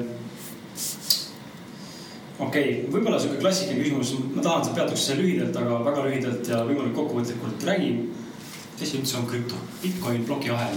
sest et see on termin, mis inimestel tekitavad ihukõrvatused püsti ja ma enda algul kuulsin, mõtlesin, no fuck you, ma ei viitsi süveneda, ma ei tea, millest räägitakse. sest ma ei ole tech, tech inimene ja ma hästi ei mõista seda, mis, mis, mis, mis, mis see tehnoloogia tegelikult on. miks ta on nii, nii crucial ja nii nagu teistsugune mm. -hmm okei okay,, ma, ma alustan võib-olla nagu seletamist, mis on Bitcoin ja siis põhimõtteliselt, kuna ta oli esimene krüptoraha ja siis ma võin natuke rääkida ajaloost ja kuidas see sealt edasi arenes aga enne Bitcoini räägime sellest, et kuidas üldse rahavahetus käis. et äh, vanasti sul oli kullatükikesed, sa panid tulla, me kolmekesi olime kuskil metsas, meil on kullatükikesed väikses siukses kotikeses äh, vööl ja siis me kõnnime rõõmsalt ringi mingi aeg tulid siis pankurid ja ütlesid, et kuule, sa ei pea seda kullakotikest äh, vedama, et tule, anna see minule, ma panen oma nimekirja kirja, kui palju sul on ja sa võid iga hetk välja võtta siis me kolmekesi läksimegi rõõmsalt panka, andsime sinna selle, äh, need kullakotikesed ja tal oli nimekiri. Krisil oli nii palju, Martini nimi oli Kristjanil nii palju kulda. Siis noh, äh, maailmas läks suuremaks ja tekkisid veel rohkem panku ja see süsteem päris kaua oli põhimõtteliselt äh, samamoodi, et siis me oleme ühe panga kliendid, siis teistel on oma põhimõtteliselt see nimekiri, kui palju kulda on teistes pankades ja nii edasi. siis tuli internet ja siis oletame, meie oleme nüüd juba erinevas pangas ja siis äh, interneti, interneti teel saab põhimõtteliselt äh, saata siis äh, nii-öelda informatsiooni, et kui, kui, kuidas need kullaseisud kõikides nende panga nimekirjades siis nagu vahetuvad, onju. siis, kui ma kannan näiteks kellelegi raha, onju, läbi interneti, siis minu nii-öelda kull, kullatükikeste arv läheb väiksemaks ja siis kellelgi läheb suuremaks mõnes teises nimekirjas. aga ikkagist igal pangal oli põhimõtteliselt oma nimekiri, kuidas, kui palju enda klientidel on raha mingi aeg said pangad aru, et põhimõtteliselt sellisel, sellisel viisil on päris hea raha teenida, et kui Chris saadab näiteks sada kullatükikest, hea oleks võtta sealt kaks kullatükikest enda lihtsalt kande, kandmise eest. tegelikult see oma kulu seal on võib-olla minimaalne, võib-olla peaaegu tasuta mm. -hmm. et ainult elekter ja samamoodi email'e sa saadad, onju, kui palju see päris kulu on ikka väga-väga väike. aga pangad vaatasid, kuna on monopolistlik süsteem, et hea, hea oleks siit raha võtta kaks tuhat üheksa aastal tuli sihuke äh, inimene nagu Satoshi ja põhimõtteliselt ütles, et kuule, teeme hoopis nagu ja oota, ja lisaks ma enne võib-olla, kui ma Satoshi juurde lähen, lisaks siis mingiaegsed inimesed said riigid aru, et kui nad et kuna ütleme, kogu maailm sellel fiat rahal, ütleme, see paberrahal nii palju nii-öelda sõltub, nad saavad lihtsalt seda juurde printida et näiteks noh, et viimase saja aasta jooksul umbes raha väärtus on inimestel aastas kahanenud üle kahe protsendi. Sellepärast lihtsalt suuremad riigid lihtsalt prindivad seda juurde, investeerivad selle oma, oma majandusesse ja siis kõikidel teistel nii-öelda on inflatsioon päris kaua oli tegelikult eh, paberraha kullaga seotud, aga siis mingi aeg lihtsalt USA läks, eh, USA läks sellest eh, kullaga seotusest eemale ja siis tegelikult see mingit väärtust ei olegi nii-öelda tegelikult sellel paberrahal enam. peale selle, et võib-olla, et neil on see sõjavägi, mis seda toetab, onju. Aga nüüd minnes Satoshi juurde kaks tuhat üheksa aastal, siis tuli mees ja ütles, et aga teeme oma nimekirja, et äh, teeme ühe nimekirja kogu, kogu inimkonnale, kus põhimõtteliselt kõik meie need kullatükikeste seisud oleks seal ja siis kaks tuhat üheksa aastal see siis ja see, see on üks suur nimekiri ongi plokiahel ehk siis iga aja, aja põhimõtteliselt äh, ajaühiku tagant see põhimõtteliselt kogu aeg kivistub niimoodi, et, et ütleme, see, sa ei saa seda muuta minevikus mm. -hmm. ehk siis see üks nimekiri kogu aeg niimoodi kasvab edasi plokk ploki ahelal ja kõikide inimkondade need äh, väärtuse kanded või need kullatükikese kand-, kanded on põhimõtteliselt seal, seal kirjas. ja loomulikult see, need, need äh, teenusetasud on peaaegu olematud ja see läheb põhimõtteliselt ühest maailma riigist teisse ülikiiresti. kui sul mõnikord kanded võtavad paar päeva aega. et põhimõtteliselt see oligi Bitcoini kontseptsioon, et teeme ühe nimekirja, mis on, ei sõltu riigist, mis, kus on inflatsioon, kus me saame põhimõtteliselt saata üksteisele raha ähm, nii nüüd sellest edasi siis vaadata, et oi, seda plokiahela tehnoloogiat saab kasutada asjadeks lisaks eh, lihtsalt nagu väärtusülekannetele. ja näiteks teine kõige suurem krüptoraha on nüüd juba arvuti ehk siis Ethereum on põhimõtteliselt samamoodi nagu sul see plokiahel eh, või ütleme, see pikk nimekiri tekib aja, ajapikk plokk plokiahel eh, järel, siis Ethereum näiteks arvuti ehk sa saad kirjutada sinna kooditükke. ehk siis kirjutad sinna, et davai, kui keegi ma ei tea, kui keegi äh, annab mulle näiteks Bitcoini, ma annan talle vastu mõne teise token'i või saad mingi näiteks äh, legaalseid lepinguid sinna peale kirjutada. ja see on ka, et samamoodi nagu see plokiahelit ei saa kunagi kinni panna, Bitcoini plokiahelit, kuna see erinevad arvutid üle maailma valideerivad neid transaktsioone, siis samamoodi seda Ethereumi peale kirjutatud koodi ei saa keegi kunagi kinni panna et ma ütleks, et nagu krüpto üleüldiselt on äh, ainuke tõeliselt vaba finantssüsteem, mis meil tänasel päeval on. ja eeldades, et tegelikult nagu suuremad korporatsioonid, tehnoloogiafirmad ja riigid tegelikult kontrollivad põhimõtteliselt igat, igat meie datat meie kohta, kontrollivad meie finantssüsteemi. see on nagu, ma arvan, vaatame kolmekümne aasta pärast tagasi ja ütleme, et täiesti uskumatu, kuidas nad elasid nii väikse privacy'ga mm. -hmm. et noh et kui, kui keskmine inimene saaks teada, kui palju temast datast teatakse, et nagu mida ta sööb, kus ta käib. ja siis veel on, on ju, et data ja ütleme seda datat antakse tegelikult riikidele et see, see, see on täiesti uskumatu, et äh, ütleme, kui, kui, kui su, kui sul ei ole nagu oma see läpaka, see webcam kinni pandud või kõik data sharing ud no, maha võetud, siis ma arvan, sul on päris nagu halb seis. jõhker on tegelikult mõelda seda, kasvõi see Facebooki näide, et äh, Facebook on meeletu samamoodi andmebaas tegelikult mm. -hmm. huvitav on see, et me ise tegelikult täidame seda vabatahtlikult selles mõttes anname seda privacy't arendada piltide laadimistega, asukoha markeeringutega, nende tag'ide ja muude asjadega, näitab kõik, kus sööb, et käib söömeedias üldse sitapärast pilte onju. et noh, me näitame kõike sealt. et see on täitsa ulme tegelikult. see, see on, see on täiesti ulme ja ja, ja noh, täpselt ja see ongi nagu see, ma ütlen, see on nagu nii suur probleem, et äh, põhimõtteliselt sul ongi nagu, ma ei tea, kas te olete lugenud Orwell nineteen, nineteen eighty four et põhimõtteliselt nagu ta räägib nagu, et sul on Big Brother ja sul on nagu need teleprompterid ja sul on äh, põhimõtteliselt fake news on ju, seal olid nagu see truth, ministry of truth on ju. et põhimõtteliselt me olemegi Orwell, selles Orwellian maailmas, kus põhimõtteliselt meil ongi Big Brother mm. -hmm mis läbi tech company te neid asju teevad ja need teleprompterid ja arvutid ja see truth ministry on fake news, mis on ka nagu tulnud, onju. et äh, noh, soovitan kõigil seda raamatut lugeda welcome to the, mitte welcome to the future, aga welcome to the past.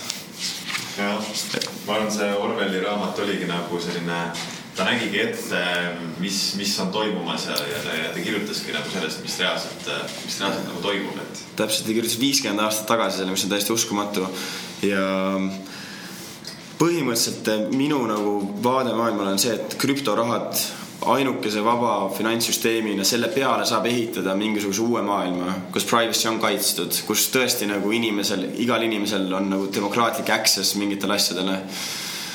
et, et äh, jah. aga mis sa, mis sa arvad äh, Rippeli nimelisest müündist, mis äh, siis äh, siin paljud, paljud väidavad, et see on ka niisugune nagu ütleme siis USA selline suur projekt, et jälle tuua oma kontrolli käpp üle ka sellesse krüptomaailma ja, ja sellesse võrgustikku, et äh,? ma ei tea, selles mõttes, et ma, ma arvan, et nagu krüptomaailmas kõikidel on nagu vabad käed teha oma projekte ja siis noh, siis inimesed saavad ka otsustada, kas nad usuvad sellesse projekti või mitte, onju, ja sellest tulevad tavaliselt need hinnad nendel krüptorahadel ka minu, ütleme vaateliselt on, ütleme, Ripple ikkagist liiga tsentraliseeritud. et tegelikult see ei ole nagu sihuke, see ei ole nagu vaba finantssüsteem, mis on näiteks Bitcoini või Ethereumiga, kus on nagu piisavalt nagu ütleme, detsentraliseeritud, et üks kindel asi, üks kindel üksus ei kontrolli seda, onju samamoodi sul on Libra on ju, mis on see Facebooki coin on ju, sul on JP Morganil oma coin. ma arvan, see on krüpto, krüptospace'ile, see on ülihea, et me teeme nagu päris maailmalisi, ütleme väärtusloomet. aga see ei lahenda päris seda probleemi, mida mina nagu näen, mida plokiahel võib maailmas, maailmal lahendada. toovad siukest, tundub, et nad toovadki siukest nagu seesama Libra, kes tuleb alles ja toovadki sellist nagu natuke sellist turul confusion'it natukene, et justkui nagu läheme krüptoga kaasa, aga tegelikult samal ajal ikka jätkame sama asja, mida teinud kogu aeg oleme mm -hmm. sektoris ei, täpselt, täpselt, täpselt, täpselt.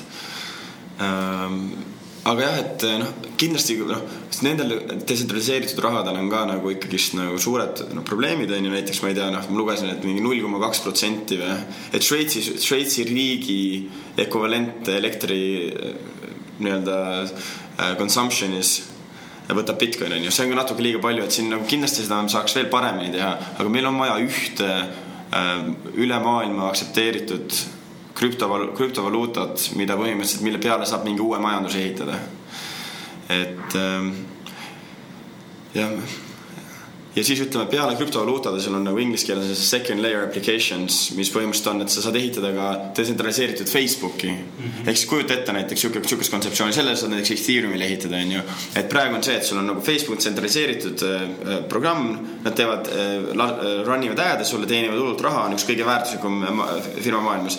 mis siis, kui me kujutame ette, et see on detsentraliseeritud Facebook, et samamoodi sul on oma kasutajad, on ju, aga kõik ad revenue jagatakse ära kasutajate vahel see oleks tegija. vot, vot seda näiteks see ongi, need on nagu need järgmise leveli application'id, mida sa saad ehitada põhimõtteliselt äh, blockchain'i peale ja näiteks samamoodi on Reddit on ju, on näiteks üks noh, populaarne nagu tavaline tsentraliseeritud teenus, nüüd tuli nagu Steamit, mis oli põhimõtteliselt detsentraliseeritud Reddit. ehk samamoodi, kui sul post'id lähevad üle nagu vote itakse üles ja sa tood väärtuslikku informatsiooni, siis krüptodes põhimõtteliselt nendest token itest sulle makstakse selle eest. -hmm. ehk siis nagu noh, sihuke blogi on ka juba nagu detsentraliseeritud ära, et huvitav on vaadata, mis need nagu, nagu järgmised use case'id on just siis nagu peale seda valuutat, mis on veel Bitcoin on ju ja Litecoin, et mis need nagu second layer application'id on? kas midagi, midagi Youtube'i alternatiivi sihukest ka juba on, on tekkimas või tekkinud? ma, ma konkreetselt seda pro pro projekti ei tea, aga kindlasti on ja proovitakse. et ma tean, et üritati nagu Netflixi teha niimoodi detsentraliseeritud kujul aga noh, seal need ütleme investeeringud on päris suured, et just need, need mingi original content sinna saada ja nii edasi mm. -hmm aga, aga ma olen täiesti kindel, et viiekümne aasta jooksul meil on siin ikka, ma arvan, et meie maailm jookseb, jookseb blockchain'i peal. kas sa oled Eesti, Eesti selle seadustega, ma olen rohkem kursis tänu sellele, et ise Eestis oled baseerunud oma change'i ettevõttega ka mm. -hmm. mis on, krüpto on ju üsna reguleerimata meil veel täna veel äh, jäädavalt, et äh, kuidas on äh, näiteks üldse ka räägime kasumi võtmisest või tulu saamisest, tulu teenimisest. Mida, mismoodi sina Change'i pangaga seda lahendad? kuidas sina seda, kas, kas üldse teie ettevõte sellist mingit nagu seda justkui nagu tulu võtmist nagu toetab või, või pigem teie lülise vahel on olematu selles mõttes mm? -hmm. jah, tegelikult krüpto on, Eesti on olnud alati üks, üks rohkem reguleerivaid äh, minu arust jurisdiktsioon Euroopas, sellepärast et meil oli üks kunagi üks kohtukaasus Riigikohtus Bitcoiniga. ehk siis sellest kaasusest tulenevalt me põhimõtteliselt hakkasime kohe nagu kliendi tuvastamist ja rahapesu mingit neid, neid meetmeid, ütleme siis rohkem kasutama kui näiteks teised, teised nii-öelda Euroopa Liidu riigid. nüüd see on ühtlustatud, kuna see tuli Euroopa tasemelt, ehk siis näiteks Euro-, kui sul näiteks võib krüptorahakott olla igal pool maailmas ilma oma andmeid andmata, siis Eestis ja Euroopas pead sa põhimõtteliselt andma oma, ma ei tea, passikoopia, oma nime, aadressi, ütleme kõik asjad, onju.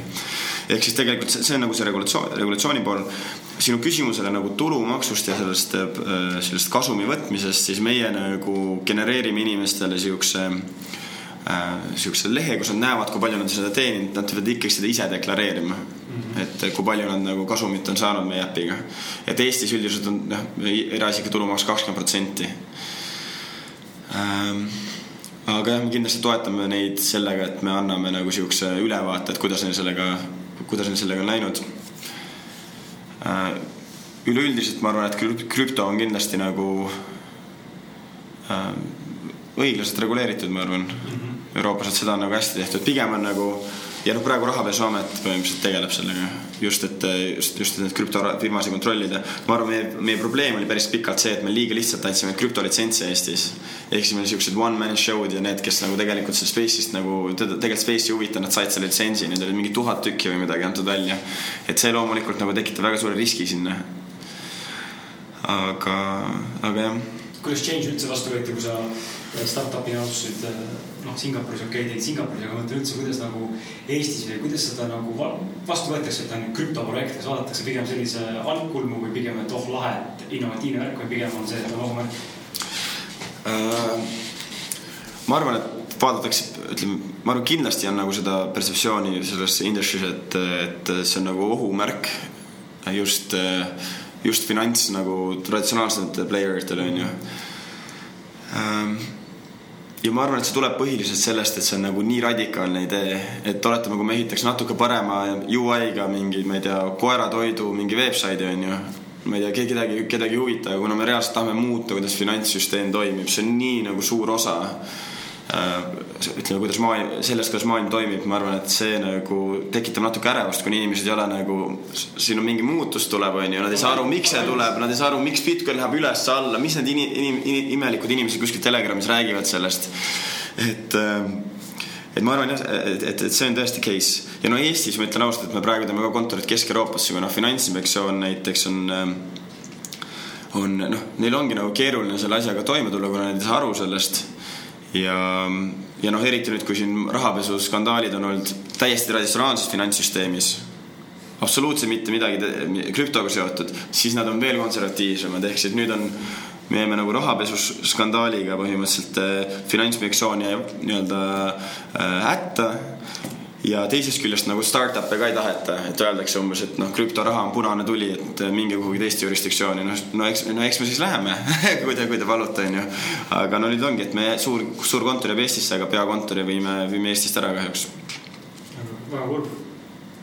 no see on paratamatu, ma olen nagu, ma ei oska praegu tuua näidet, aga mul meenuvad mingid hägused kuskil mingid mälestused tundmused, teadmised. seda on päris palju Eestis olnud, kus nagu ettevõte ei saa puhta mingite regulatsiooni pärast Eestis asja ette võtta, sest et see on lihtsalt nii, nii kuradi harš see teema lihtsalt. jah, Eestis on see, et Eesti on, ma arvan, üks kõige paremaid startup keskkondi maailmas, kui sa ei tee fintech ettevõtet, et nagu sellel on põhjus, miks Funderbeam, TransferWise on ju, Moniz, kõik on, kõik jah, et, et, et jah, et, et, et Eesti on suurepärane koht teha startup'e, aga mitte fintech startup'e. aus, aus vastus vähemalt noh, osa pealkiri oli ausad mehed. ja, absoluutselt. jah mm.. tahaks seal, küsi ise, kes see küsimus, see on äh.... mis küsimus? see küsimus, sinu kirja pandud ja. okei okay. äh,, ja see on minu, ma olen kirja pannud selle, sest mind ennast huvitab, sest minul on.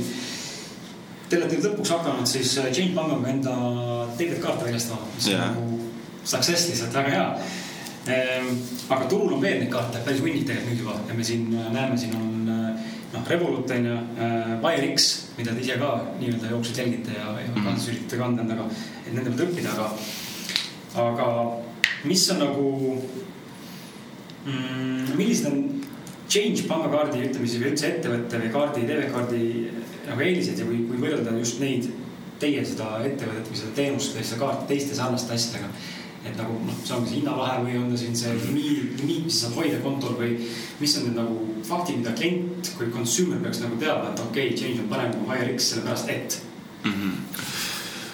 no kui võrrelda, kui võrrelda HireX-iga, ütleme meie põhiline väärtuspakkumine on see, et me tahame viia in, investeerimise siukse vastutakistuse põhimõtteliselt võimalikult lähedale nullile ehk siis on madalad kulud see on hästi lihtne äpp ja see on hästi nagu liht-, lihtsalt saad sellest investeeringust lahti, kui sa tahad selle kaardiga. nii, nii WireX kui Revolut, nad, nende põhimõtteliselt nende teenustasud on üks kuni, üks kuni ma ei tea, kolm koma pool, kolm pool protsenti. korralik teenustasu. et see on ikka väga suur teenustasu, et mõtled näiteks WireX-il vahepeal nad run, run isid kahe ja kolme protsendi vahel teenustasu, et sa investeerid nagu tuhat euri ja sa maksad ära kakskümmend, kolmkümmend euri selle pealt kui, kui, kui, kui meie puhul näiteks on täiesti tasuta praegu, aga ma, mida me hakkame tegema, me hakkame inimestelt raha küsima nagu premium kasutajate eest ehk siis põhimõtteliselt kõik, me hoiame selle kulud ikkagist hästi madalad, onju. aga et kui sa tahad mingi lisa feature'i või lisa mingit, mingeid tooteid, siis me hakkame iga kuu charge ima selle eest. et, et, et see lubab meil selles ikkagist inimestele pakkuda nagu hästi lihtsat investeerimisteenust põhim-, põhimõtteliselt tasuta või väga madalate feedega. aga siis ütleme inimestele, kes väga meeldib ja nad tahavad veel midagi rohkem meie äpis teha, siis me hakkame selle eest charge ima iga, iga, iga kuu aga tahad sa äkki või saad sa äkki öelda nagu siin saladuskatte, kui see on saladus, mis on need mõned üksikud asjad, mis, mis, mis te change'iga pakkuda tahate, sest ma kuskil lugesin, sinuga äkki kunagi isegi rääkisin äkki vist. Mul kuskilt silma jäänud, aga et, et krüpto on see, millega te alustasite, tegelikult su visioon on veidi suurem. täpselt, et äh, põhimõtteliselt meie, me praegu oleme turul siis krüptoinvesteerimisega, meil on oma see Visa debetkaart ja mida me praegu, mille nimel me töötame, et saada aktsiad ka, ehk siis saad investeerida Facebooki, ma ei tea, suurimas mingite indeksitesse, aktsiaindeksitesse. ja lisaks me tahame tuua klientidele veel siukseid nagu põhimõtteliselt siukseid original investment opportunity eid ehk siis a la me teeme näiteks tokeniseerime kinnisvara või tokeniseerime kulla ära või tokeniseerime startup'ide equity't ära. ehk siis nagu toome mingeid investeerimisvõimalusi, mida kuskilt mujalt ei saa. ehk siis kujuta ette, näiteks üks firma on meie partnerfirma, kes hakkab seda meie tegema nagu Bitter Property ja põhimõtteliselt, mida nad teevad, on see, et nad võtavad nagu Eestis, nad on võtnud kolm kinnisvara juba, müünud väikesteks tükkideks kogu kinnisvara, siis võtnud rentniku peale ja need väiksed tükid on nagu token'id ja siis põhimõtteliselt investeeridki kinnisvarasse kahekümne euriga et, et need on nagu need originaalsed investeeringud, mis me tahame lisaks tuua, see ühesõnaga alguses meil on praegu meil on krüptod, siis meil tulevad aktsiad ja siis meil tulevad need originaalsed investeeringud, originaalsete investeeringute turuplats. ja mis huvitav on, esimesel jaanuaril üks esimesi selle originaalsete investeeringute turuplatsile, üks esimesi investeeringuid on meie enda aktsia sarnane token. ehk siis inimesed saavad meie edust osa, kui nad sellesse põhimõtteliselt investeerivad aga investeerimine käib siis läbi CAG tokeni või äh, fiat valuuta? Äh, põhimõtteliselt sa saad vahetada ja CAG tokeni selle uue aktsia sarnase omadustega tokeni vastu või siis võid otse ka euroga seda tokenit osta. ja me, see, me, me oleme ehitanud selle nagu niimoodi, et põhimõtteliselt kui meie firma on edukas, siis see nagu, siis see inimene saab väga palju kasu, kui firma ei ole edukas, siis see oli nagu põhimõtteliselt noh, siis oli null investeering et põhimõtteliselt ongi sihuke startup upside'i natuke saada share ida et eh, noh, see läheb natuke meie motoga kokku, et me tahame, et inimestel oleks võimalus maailma edust osa saada ja see tähendab, et ka startup idest osa saada. et noh, loomulikult kellelegi ei soovita siin, ma ei tea, kogu oma vara sinna investeerida, aga, aga noh, kui usute, mida me teeme, siis on väga hea või, võimalus nagu kaasa sõidule tulla. ma tean mõned üksikud inimesi isiklikult ja kaudselt, kes on niimoodi olnud vanemas generatsioonis ka ja noori ka, aga just vanem, üks tuleb meelde, üks konkreetne näide, kes siis. sina rääkisid mulle seda, et sinu kõige kliente müüs oma maja maha või? praegu oleks päev mingi naisterahvas ja pani kogu pleki Bitcoini või? ei, äkki sul tuleb Reigo meelde, kes ostis ammu Litecoini. keegi, mul ühel juhul, keegi just, keegi rääkis näite, kus keegi müüs. unustas ära, et tal oli Litecoin ja vist ostis mingi seal kolmesaja euro eest ja unustas ära ja siis mitme aasta pärast vaatas, et, et oot, aga ma ostsin Litecoinis oli vist mingi seitsekümmend tuhat oli selle väärtus siis eurodes üldse nagu ma vaatan neid, neid ka, et inimesed on tegelikult, ma ise täna tunnen, et noh, see ongi see näitus ka, et kogu raha ei paneks onju. et seda nagu soovitaks, aga samas jällegist tegelikult ma arvan, et sa saad täna tegelikult öelda, et krüptovaluuta on tulevik. seega siin nagu selles mõttes ta nagu kohati nagu, me nagu ise ka ei taha nagu öelda, et jah, et investeerida, aga samas tegelikult sisemine teadmine ja see kogemus ja see, see turuanalüüs, mis sa teha täna saad internetis siin krüptovaluuta kohta, tegelikult see näitab, et see on the future. jah, no minu puhul on see, et ma lihtsalt eh, noh mu riskitiim on kategooriliselt mul keelanud investeerimisnõu andmise aga, aga ma võin kindlasti öelda, et näiteks, et äh, ma näen sarnasusi kaks tuhat aasta see äh, ütleme dotcom bubble'il ja mis praegu on. aga isegi kui sul on kaks tuhat on dotcom bubble on ju, mis kõik sealt pärast tuli, on ju nagu ma ei tea, Facebookid ja ülisuured nagu web kaks punkt null firmad, siis ikkagist nagu ma isegi siis ei soovitaks nagu kogu raha panna nendesse tech firmadesse. sellepärast, et tegelikult see on ikkagist väga riskantne nagu industry ehk siis nagu noh, sellepärast ma soovitakski pigem seda võib-olla hoida nagu oma portfoolio protsendist väiksemaga ja siis noh, jagada mingite suuremate projektide vahel ära ja võib-olla et, et see on, see oleks nagu ma arvan, noh, kõige tõenäolisem edu saladus Change'ist ja Wirexist nii palju korra küsin, et ma tean, Wirexil on vist päevane limiit on seal väljavõturaha ja, ja hoidmine vist äkki kuusteist tuhat eurot vist kontol, mis on seda toide eurodes mm. -hmm. kas Change'il on limiidid ja miks need limiidid üldse on? selles mõttes yeah., et mina olen täna kaupleja, toon näite sulle lihtsalt näite, mul üks tuttav küsis kes on krüptokaupleja, mis siis, kui a la mul mingi coin lahvatab ja ma olen järsku miljonär, mis ja. siis saab? ja meil äh, ütleme, meil on nagu see äh, ütleme, hoidmise limiit, me oleme lahendanud natuke teistmoodi, aga meil on siis äh, kaardiga maksmise limiit on üheksa tuhat euri, üks kuu, üks kuu. Okay.. et ja mille, millest need limiidid tulevad, on põhiliselt sellepärast, et Viisal. Ja Viisal on oma nagu reeglid kuidas sa, sinu kliendid tohivad käituda nende nagu programmides. ja see ongi nagu see, siuksed limitatsioonid, mis me peame nagu viisaga nii-öelda läbi rääkima. Ja. hoidmise limiiti Change pangas ennast ei ole, kui mul ikkagi miljonid, sa võid miljonit hoida seal Bitcoinis või siis fiat eurokontol või, või Litecoinis või, et, et noh, praegu me oleme niimoodi et kui kellegi nagu portfoolio nagu läheb mingist piirist üle, siis me nagu, meil on lisadokumentatsiooni vaja, aga üleüldiselt, üleüldiselt nagu mingid konkreetsed summad meil praegu nagu nagu ütleme, portfoolio suuruse kohta ei ole. aga kätte endiselt veel raha ikka ei saa, selles mõttes suures koguses, nagu lähen täna panka, ma tahan sulast saada cash'i sada tuhat. ma saan selle, kui ma tahan saada, siis change'is täna ja ka tulevikus on see võimalik, võimalus tekkimas või pigem, pigem see ei ole selline koht, kus seda teha saab? me, äh, ma arvan, et see on võimalik, et need limiidid suurenevad, aga praegu kõige parem asi, mida sa saaksid teha, ütleme, kui sa oled investeerinud näiteks Bitcoini, see on kõvasti üles läinud, sul on väga suur portfoolio, siis sa saad üheksa, sa võid selle Bitcoini ära kanda äh, või siis sa võid äh, üheksa tuhat, üheksa tuhat euri kuus seda spendida kuskil aga jah, et, et päris palju siukseid case'e meil üldiselt on, sellepärast et Bitcoin on aasta algusest läinud üles üle saja protsendi, et tavaturul sellesse juhtub umbes noh, kümme aastat läheb, tuleb sihuke tõus. et, ähm, et see on nagu huvitav, see on, see on huvitav nagu meie aja investeerimine on ju, et see me ei, me ei vaata mingeid earnings eid ja mingeid, ma ei tea sihukest, sihukeseid igavaid pika vinnaga asju, aga pigem sihukest, mis praegu maailma muudab ja, ja see on nagu lahe Bitcoin ja kõige müstilisem ongi mõeldud need vanakooli mehed, kes on neljakümnesed, viiekümnesed täna. Nemad ei mõista üldse seda krüptovaluuta, seda nagu investeerimise väärtuse kasvu ja seda teenimise võimalust, et mul. mäletan, kui ma see NEM, kui see NEM münt tegi, see Hiina münt tegi seal, ma ei mäleta, mis see alghind oli, kui müük tulid, aga, aga põhimõtteliselt mingisuguse saja või kahesaja dollari eest said sa peaaegu viissada tuhat tokenit või coin'i yeah.. siis mingi hetk oli kaks koma neli dollarit tükk, siis inimene lihtsalt teinud sajast dollarist lihtsalt aastaga poolteist peaaegu miljonit. See on mis protsent see on ei, ma olen nõus, et isegi, isegi meie enda firmal, et meil on päris suur osa veel krüptovaluutas, noh, see on avalik informatsioon, et me oma investoritele ja community'le anname seda välja. et selle aasta algusest noh, tegelikult peaks põletama raha, aga me oleme siin nagu seitsmekohalised summad teeninud, sest lihtsalt krüpto on üles läinud ja meil mingi firma kapital on, et, et see tõesti, see volatiilsus on päris suur. mis ka tähendab seda, et peaks olema ikkagist no selles mõttes ettevaatlik just, et, et see kogu raha ei ole jah, et, et, et et palju neid olu, olukordi olnud, kes äh, krüpto läheb üles, ostetakse kõik asjad kokku ja siis põhimõtteliselt on all ja on pankrot, et, et äh, seda peab ka manageerima õigesti. jah, ei, see on huvitav jah, just kui sa ütlesid, et see, et need siuksed meie vanemate generatsioon, need neljakümneaastased, et nad vaatavad seda krüptot, neile tundubki see ebarealistlik, et kuidas te teenite poisid nii suuri protsente, onju, et see, see ei ole ju reaalne, et et nende jaoks on normaalne seal aastas seal teeb kümme protsenti tootlikkus, see on nagu megakasv onju.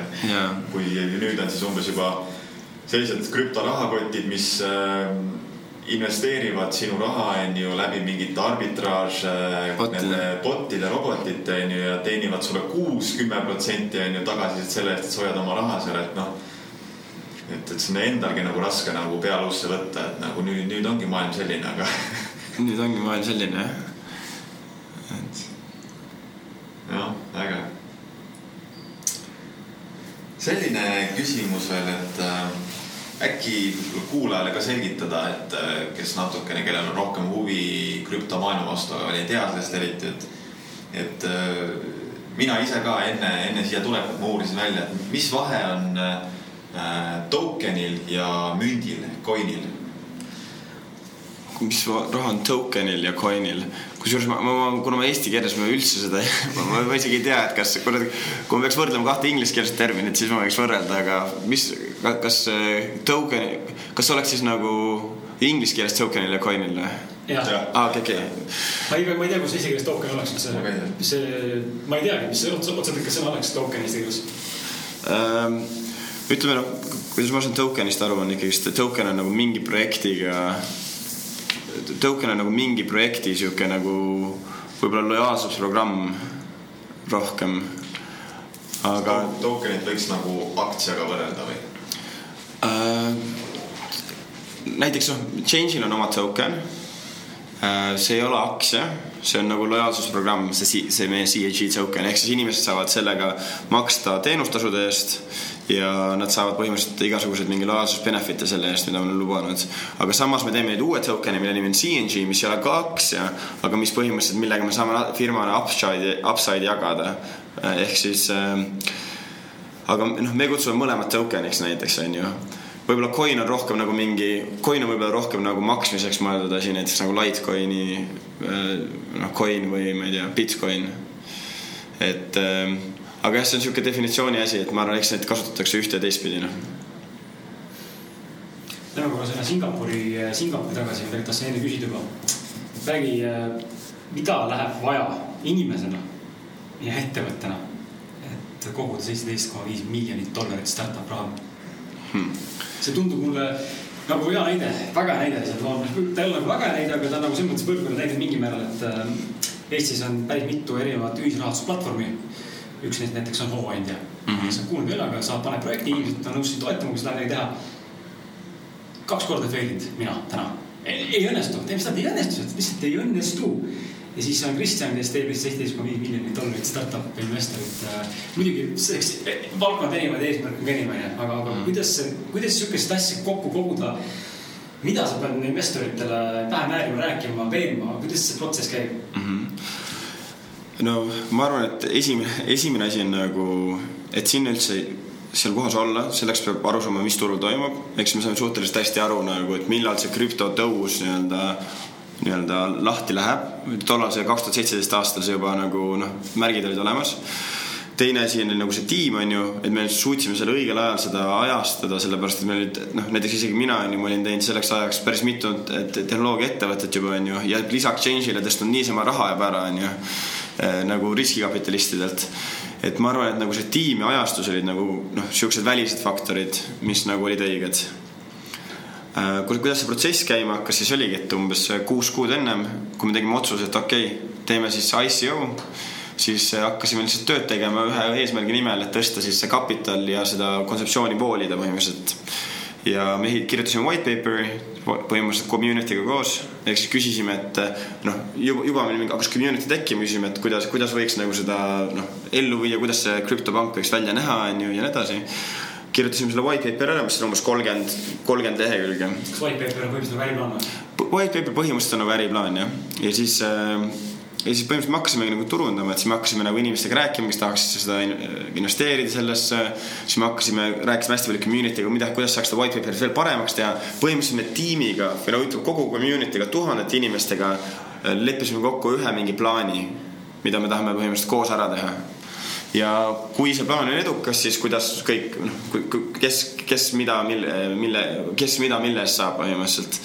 ja see oligi sihuke community driven teema ja siis oligi, hakkas septembrikuu vist ja hakkasime seda token sale'i tegema, siis me kirjutasime veel samamoodi nagu me rääkisime Ethereumi arvutist, siis Ethereumi arvuti peal oligi kirjutatud see koodijupp, mis ütles, et nad saavad selle token'i, kui nad saavad vastu meile ütleme krüptose saadavad. ja siis ütleme jah kuu ajaga umbes, kus me reaalselt magasime, ma arvan, paar tundi vahepeal nagu öösiti, sellepärast see nagu noh, oli kakskümmend neli seitse asi onju.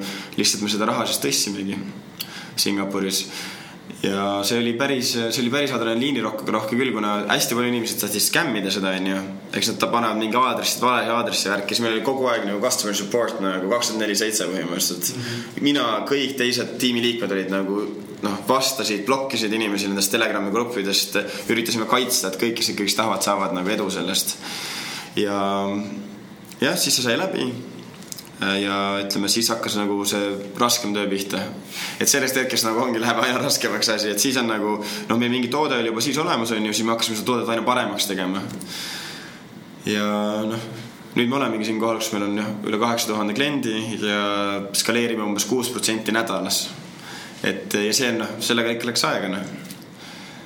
et ähm, aga jah, mis raske oli, oli see, et noh, kui võtta, võtta Eesti suurimaid avalikke firmasid on ju, et nagu võib-olla neil on noh, ma ei tea, kes, kes aktsionäride mõttes, kui see võrdlus tuua nagu kõige rohkem on, aga, aga suht raske oli kahekümne, palju ma olin kahekümne viie aastaselt, kui sul on viis tuhat stakeholder'it nagu viis tuhat inimest nagu neil on mingisugune sid-, sid, siduvus. et noh, mõni kritiseerib, on ju, mõni on see, mõni mingi teeb kolmandat teist asja. et see nagu päris palju oli nagu alguses nii-öelda üle elada. et see ongi nagu sihuke mul see nõukogu esimees, see Roger Crook, kes THL-i juhtis, ütles, et, et see on nagu see et praegu, et kui, kui kunagi teete päris, teete nagu IPO onju, et siis sul on nagu see sihuke kogemus juba olemas, noh, et kuidas see listimine läheb ja kuidas sa nagu community'ga pead suhtlema avatult ja kuidas see nagu noh, see pressure on sul ja nii edasi.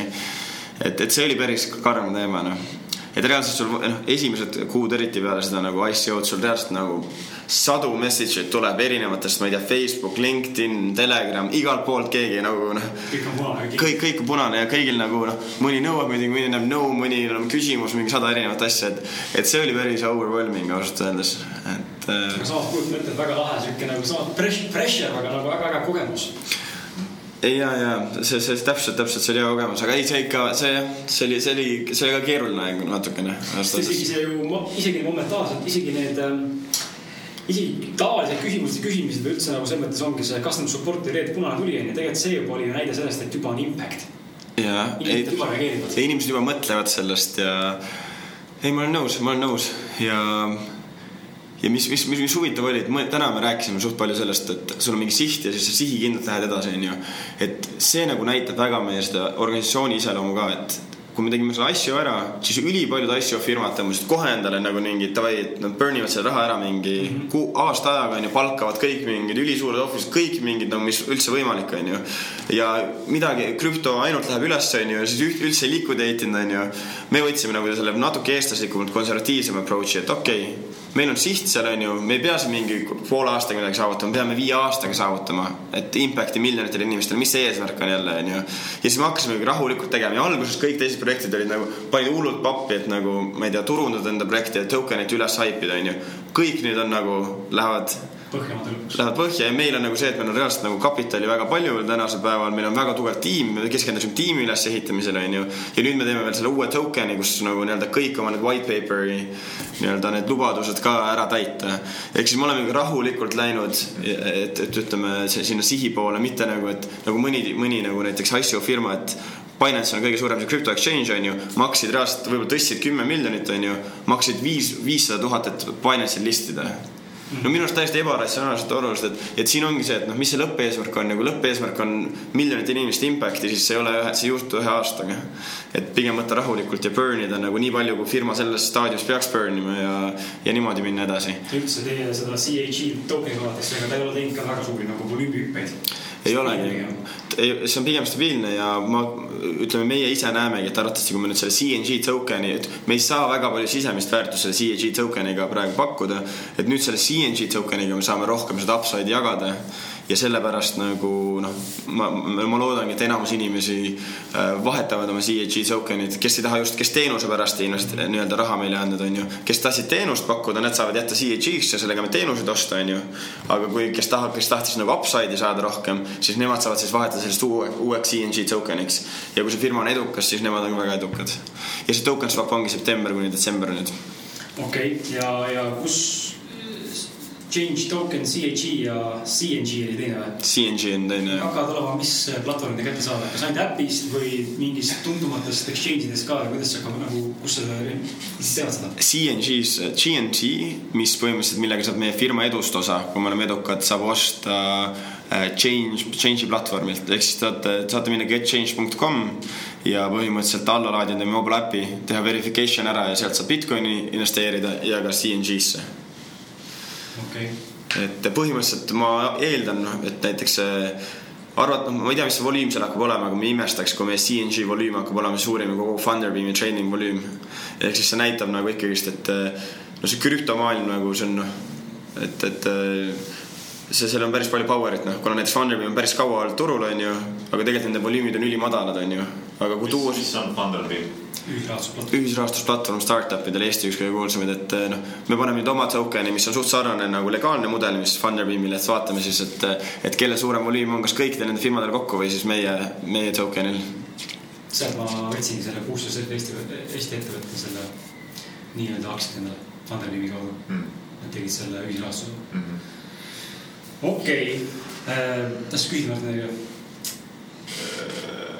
Midagi tahtsin, aga mul juba läks, läks mõte kaduma. aga mis ma tahtsin öelda, mis mul vahepeal uus mõte tekkis, et äh, hästi tuleb välja kõigest, mis sa räägid, just see kannatlikkus mm. -hmm. et, et sul on nagu see visioon, sihikindlus ja samas see kannatlikkus nagu äh, mõista, et asjad võtavad aega ja nagu rahulikult sihikindlalt edasi minna, et, et jah millist edu sa ennustad ähm, mõlemale tokenile?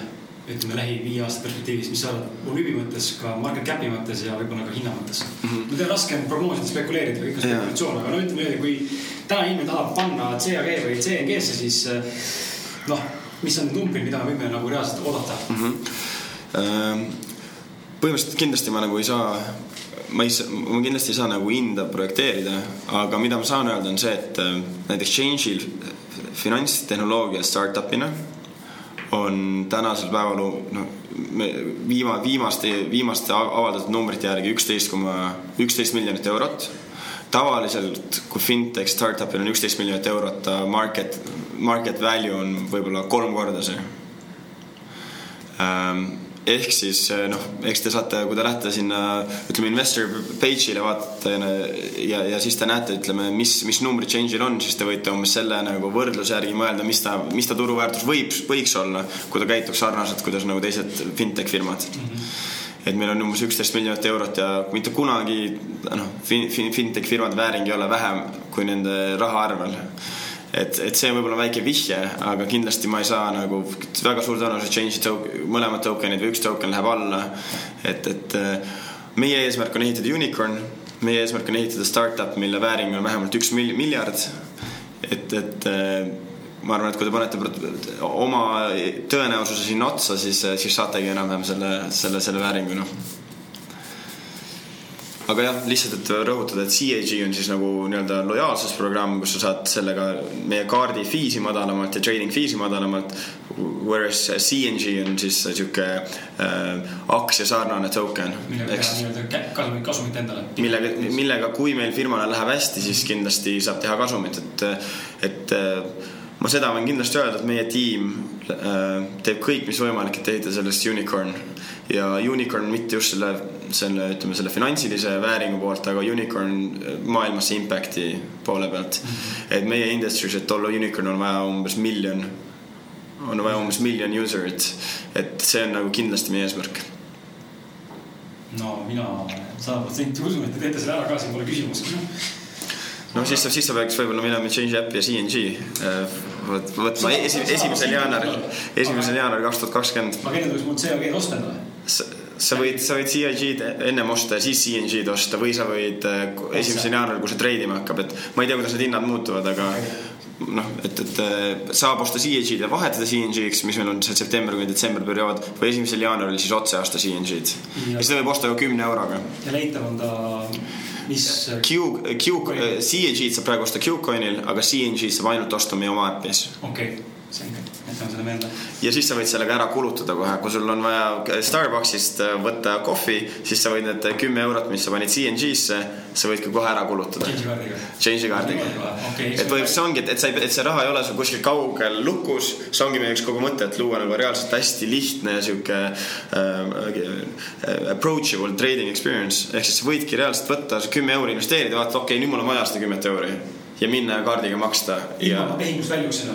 ei, siis, siis sa lahu, lahkud tehingust põhimõtteliselt, kui sul teist raha arvel ja toral sellel hetkel ei ole, siis sa väljad okay ja teie puhul on hea see, ma räägin, äh, mul jäi meelde, et ähm, üks asi on teie puhul hea, on see hea, et teil ju change'is on see conversion toimub fiat valuutat ja krüptovaluutasse maksmise hetkel automaatselt, mida Wirex ei tee no meie puhul tänasel päeval sa pead ikkagist euroks ennem konverteerima.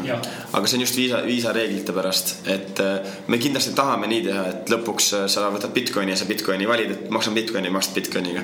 aga praegu on see, et sa saad Bitcoini sisse kanda küll, aga siis sa pead ikkagist mingi euro balance'it endal hoidma.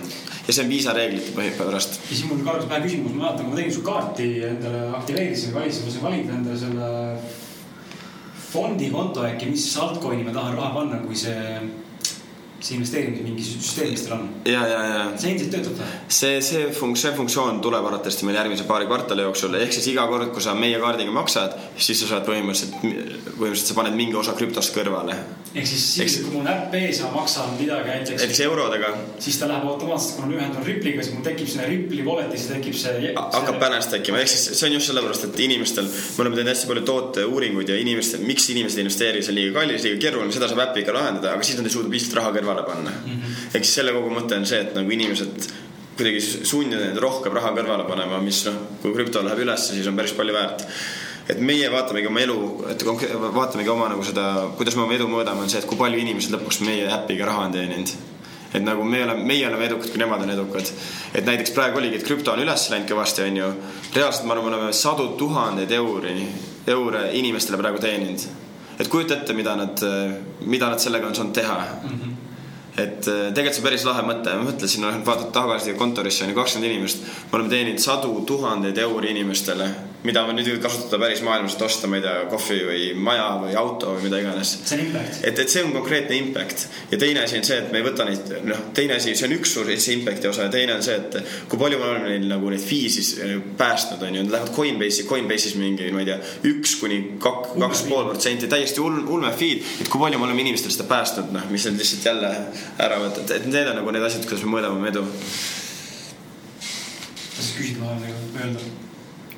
Siis praegu peas võib-olla jah, mul käis see, see mõte peast läbi, et kui ma ise olen siin Virexiga kandnud raha, siis ma olen alati nagu silmad suured, et no mida kuradit, et nagu nii palju võtavad vahendustasu onju, et. et ma arvan, et äh, nüüd on nagu lihtne see valik, et äh, change'i peale ümber kolida, et. loomulikult ja sul on hea, sa võid alati siia kontorisse tulla, kui sul kliendi probleem on ka otse. tead, kus me oleme. ma pean kiitma teie disaini kaardidisain on, ma ei saa näidata seda inimestele, siis ma panen pildi äkki Facebooki kaasa, seda vaadata, aga äärmiselt äh, ilus, just täna Martin näitasin, et äh, väga šikk. see must on nagu sihuke väga meeldiv, väga mõnus. see on, seda on tore kuulda, annan, annan disaini tiimile edasi selle, et. see, et see kaardi number on taga.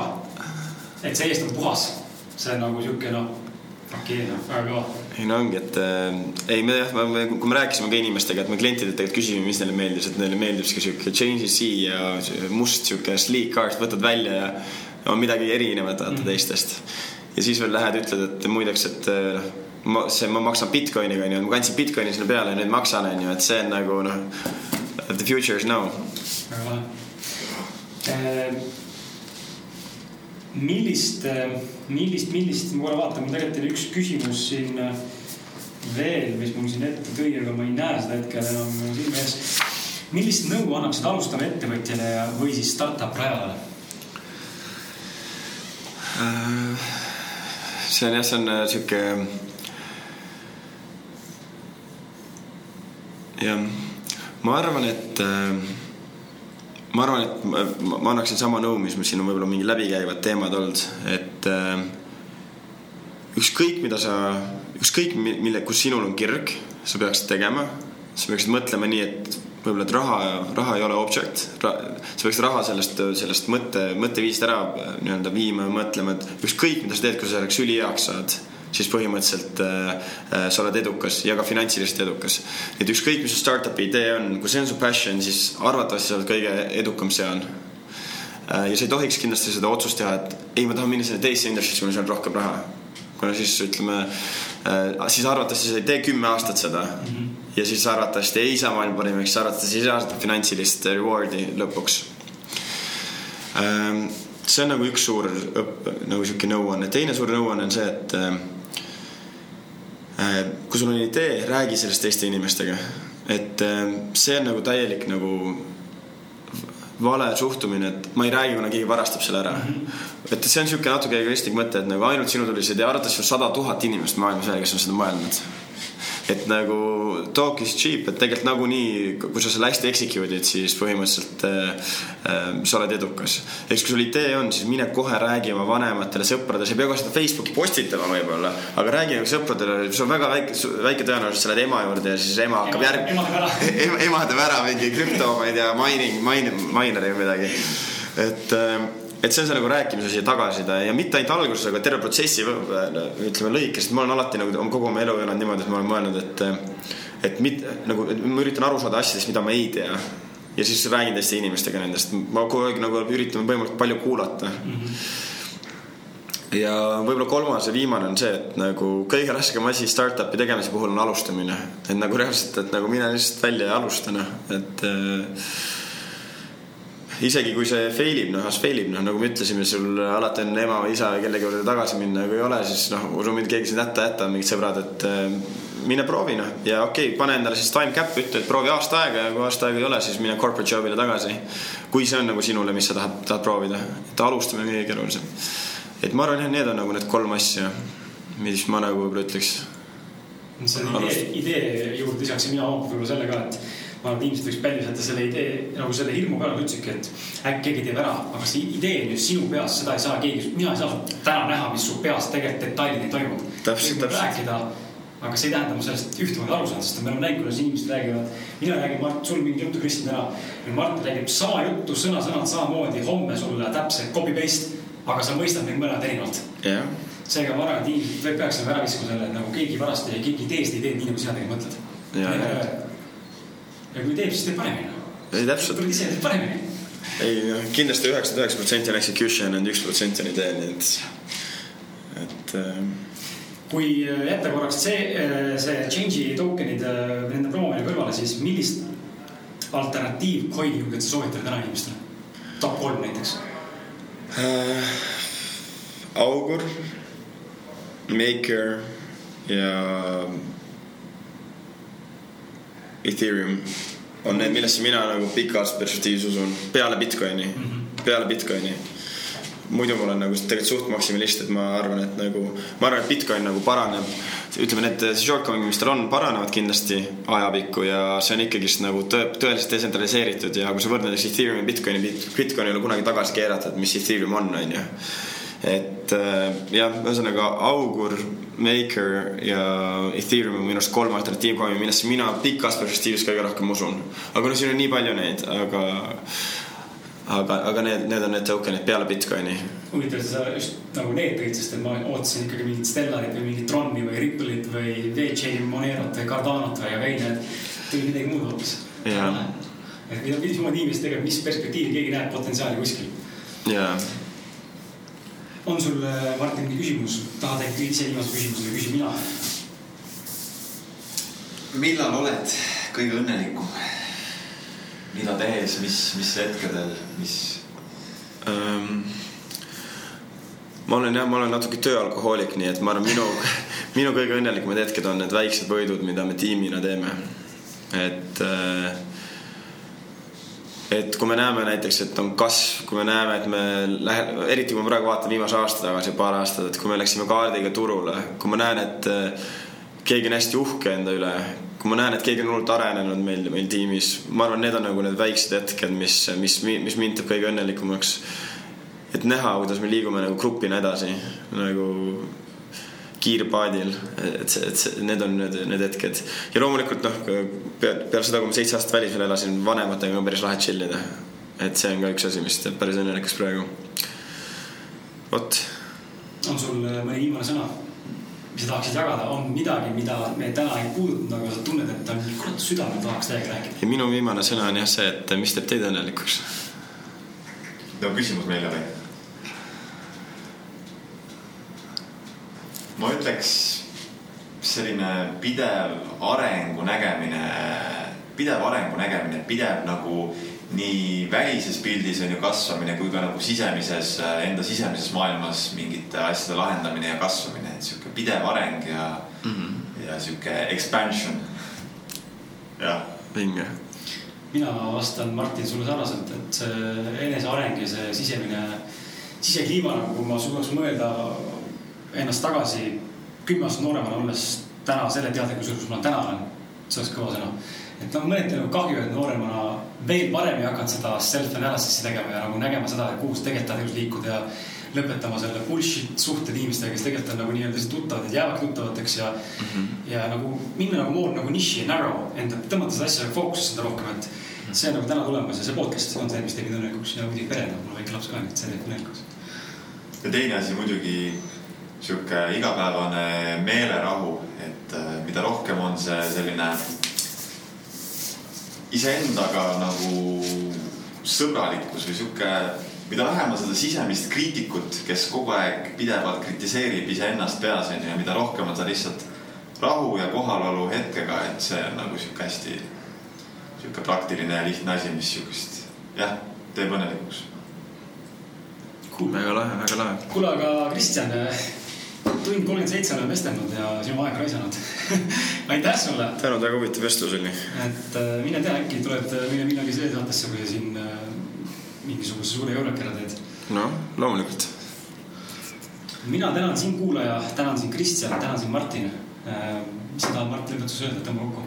ega nagu sul on tavaks öelda, et siis kui mina olen rahul, siis mul, siis ma muutun juba napisõnaliseks et siis ma lihtsalt istun oma tänutundes ja, ja ma olen ka jälle väga tänulik ja väga-väga, väga hea meel, et saime teha selle saate ja selle vestluse, et aitäh. tänud. ja, ja ega midagi, kui saade meeldis äh, ja sa arvad, et siin oli palju väärtust, mis võis sind aidata, võib aidata kedagi teist, keda sa tunned ja tead ja tahad seda soovitada, seda saadet teistele kuulamiseks, siis ole hea, tee seda palun, sest ainult niimoodi jõuame me ühtse ausamees liikumise kommuunina rohkemate inimesteni ja tänu sellele ja tänu sinule on võimalik meil rohkemaid inimesi ka mõjutada ja võib-olla inimeste elu ka muuta. et me kohati oleme change'ing sarnasel eesmärgil, et muuta inimeste elu teistel tasanditel. aga, aga mina tänan veel kord sind ja, ja kui me ei kohtu varem, siis me kohtume järgmisel reedel. jah, tšau. tšau. Nonii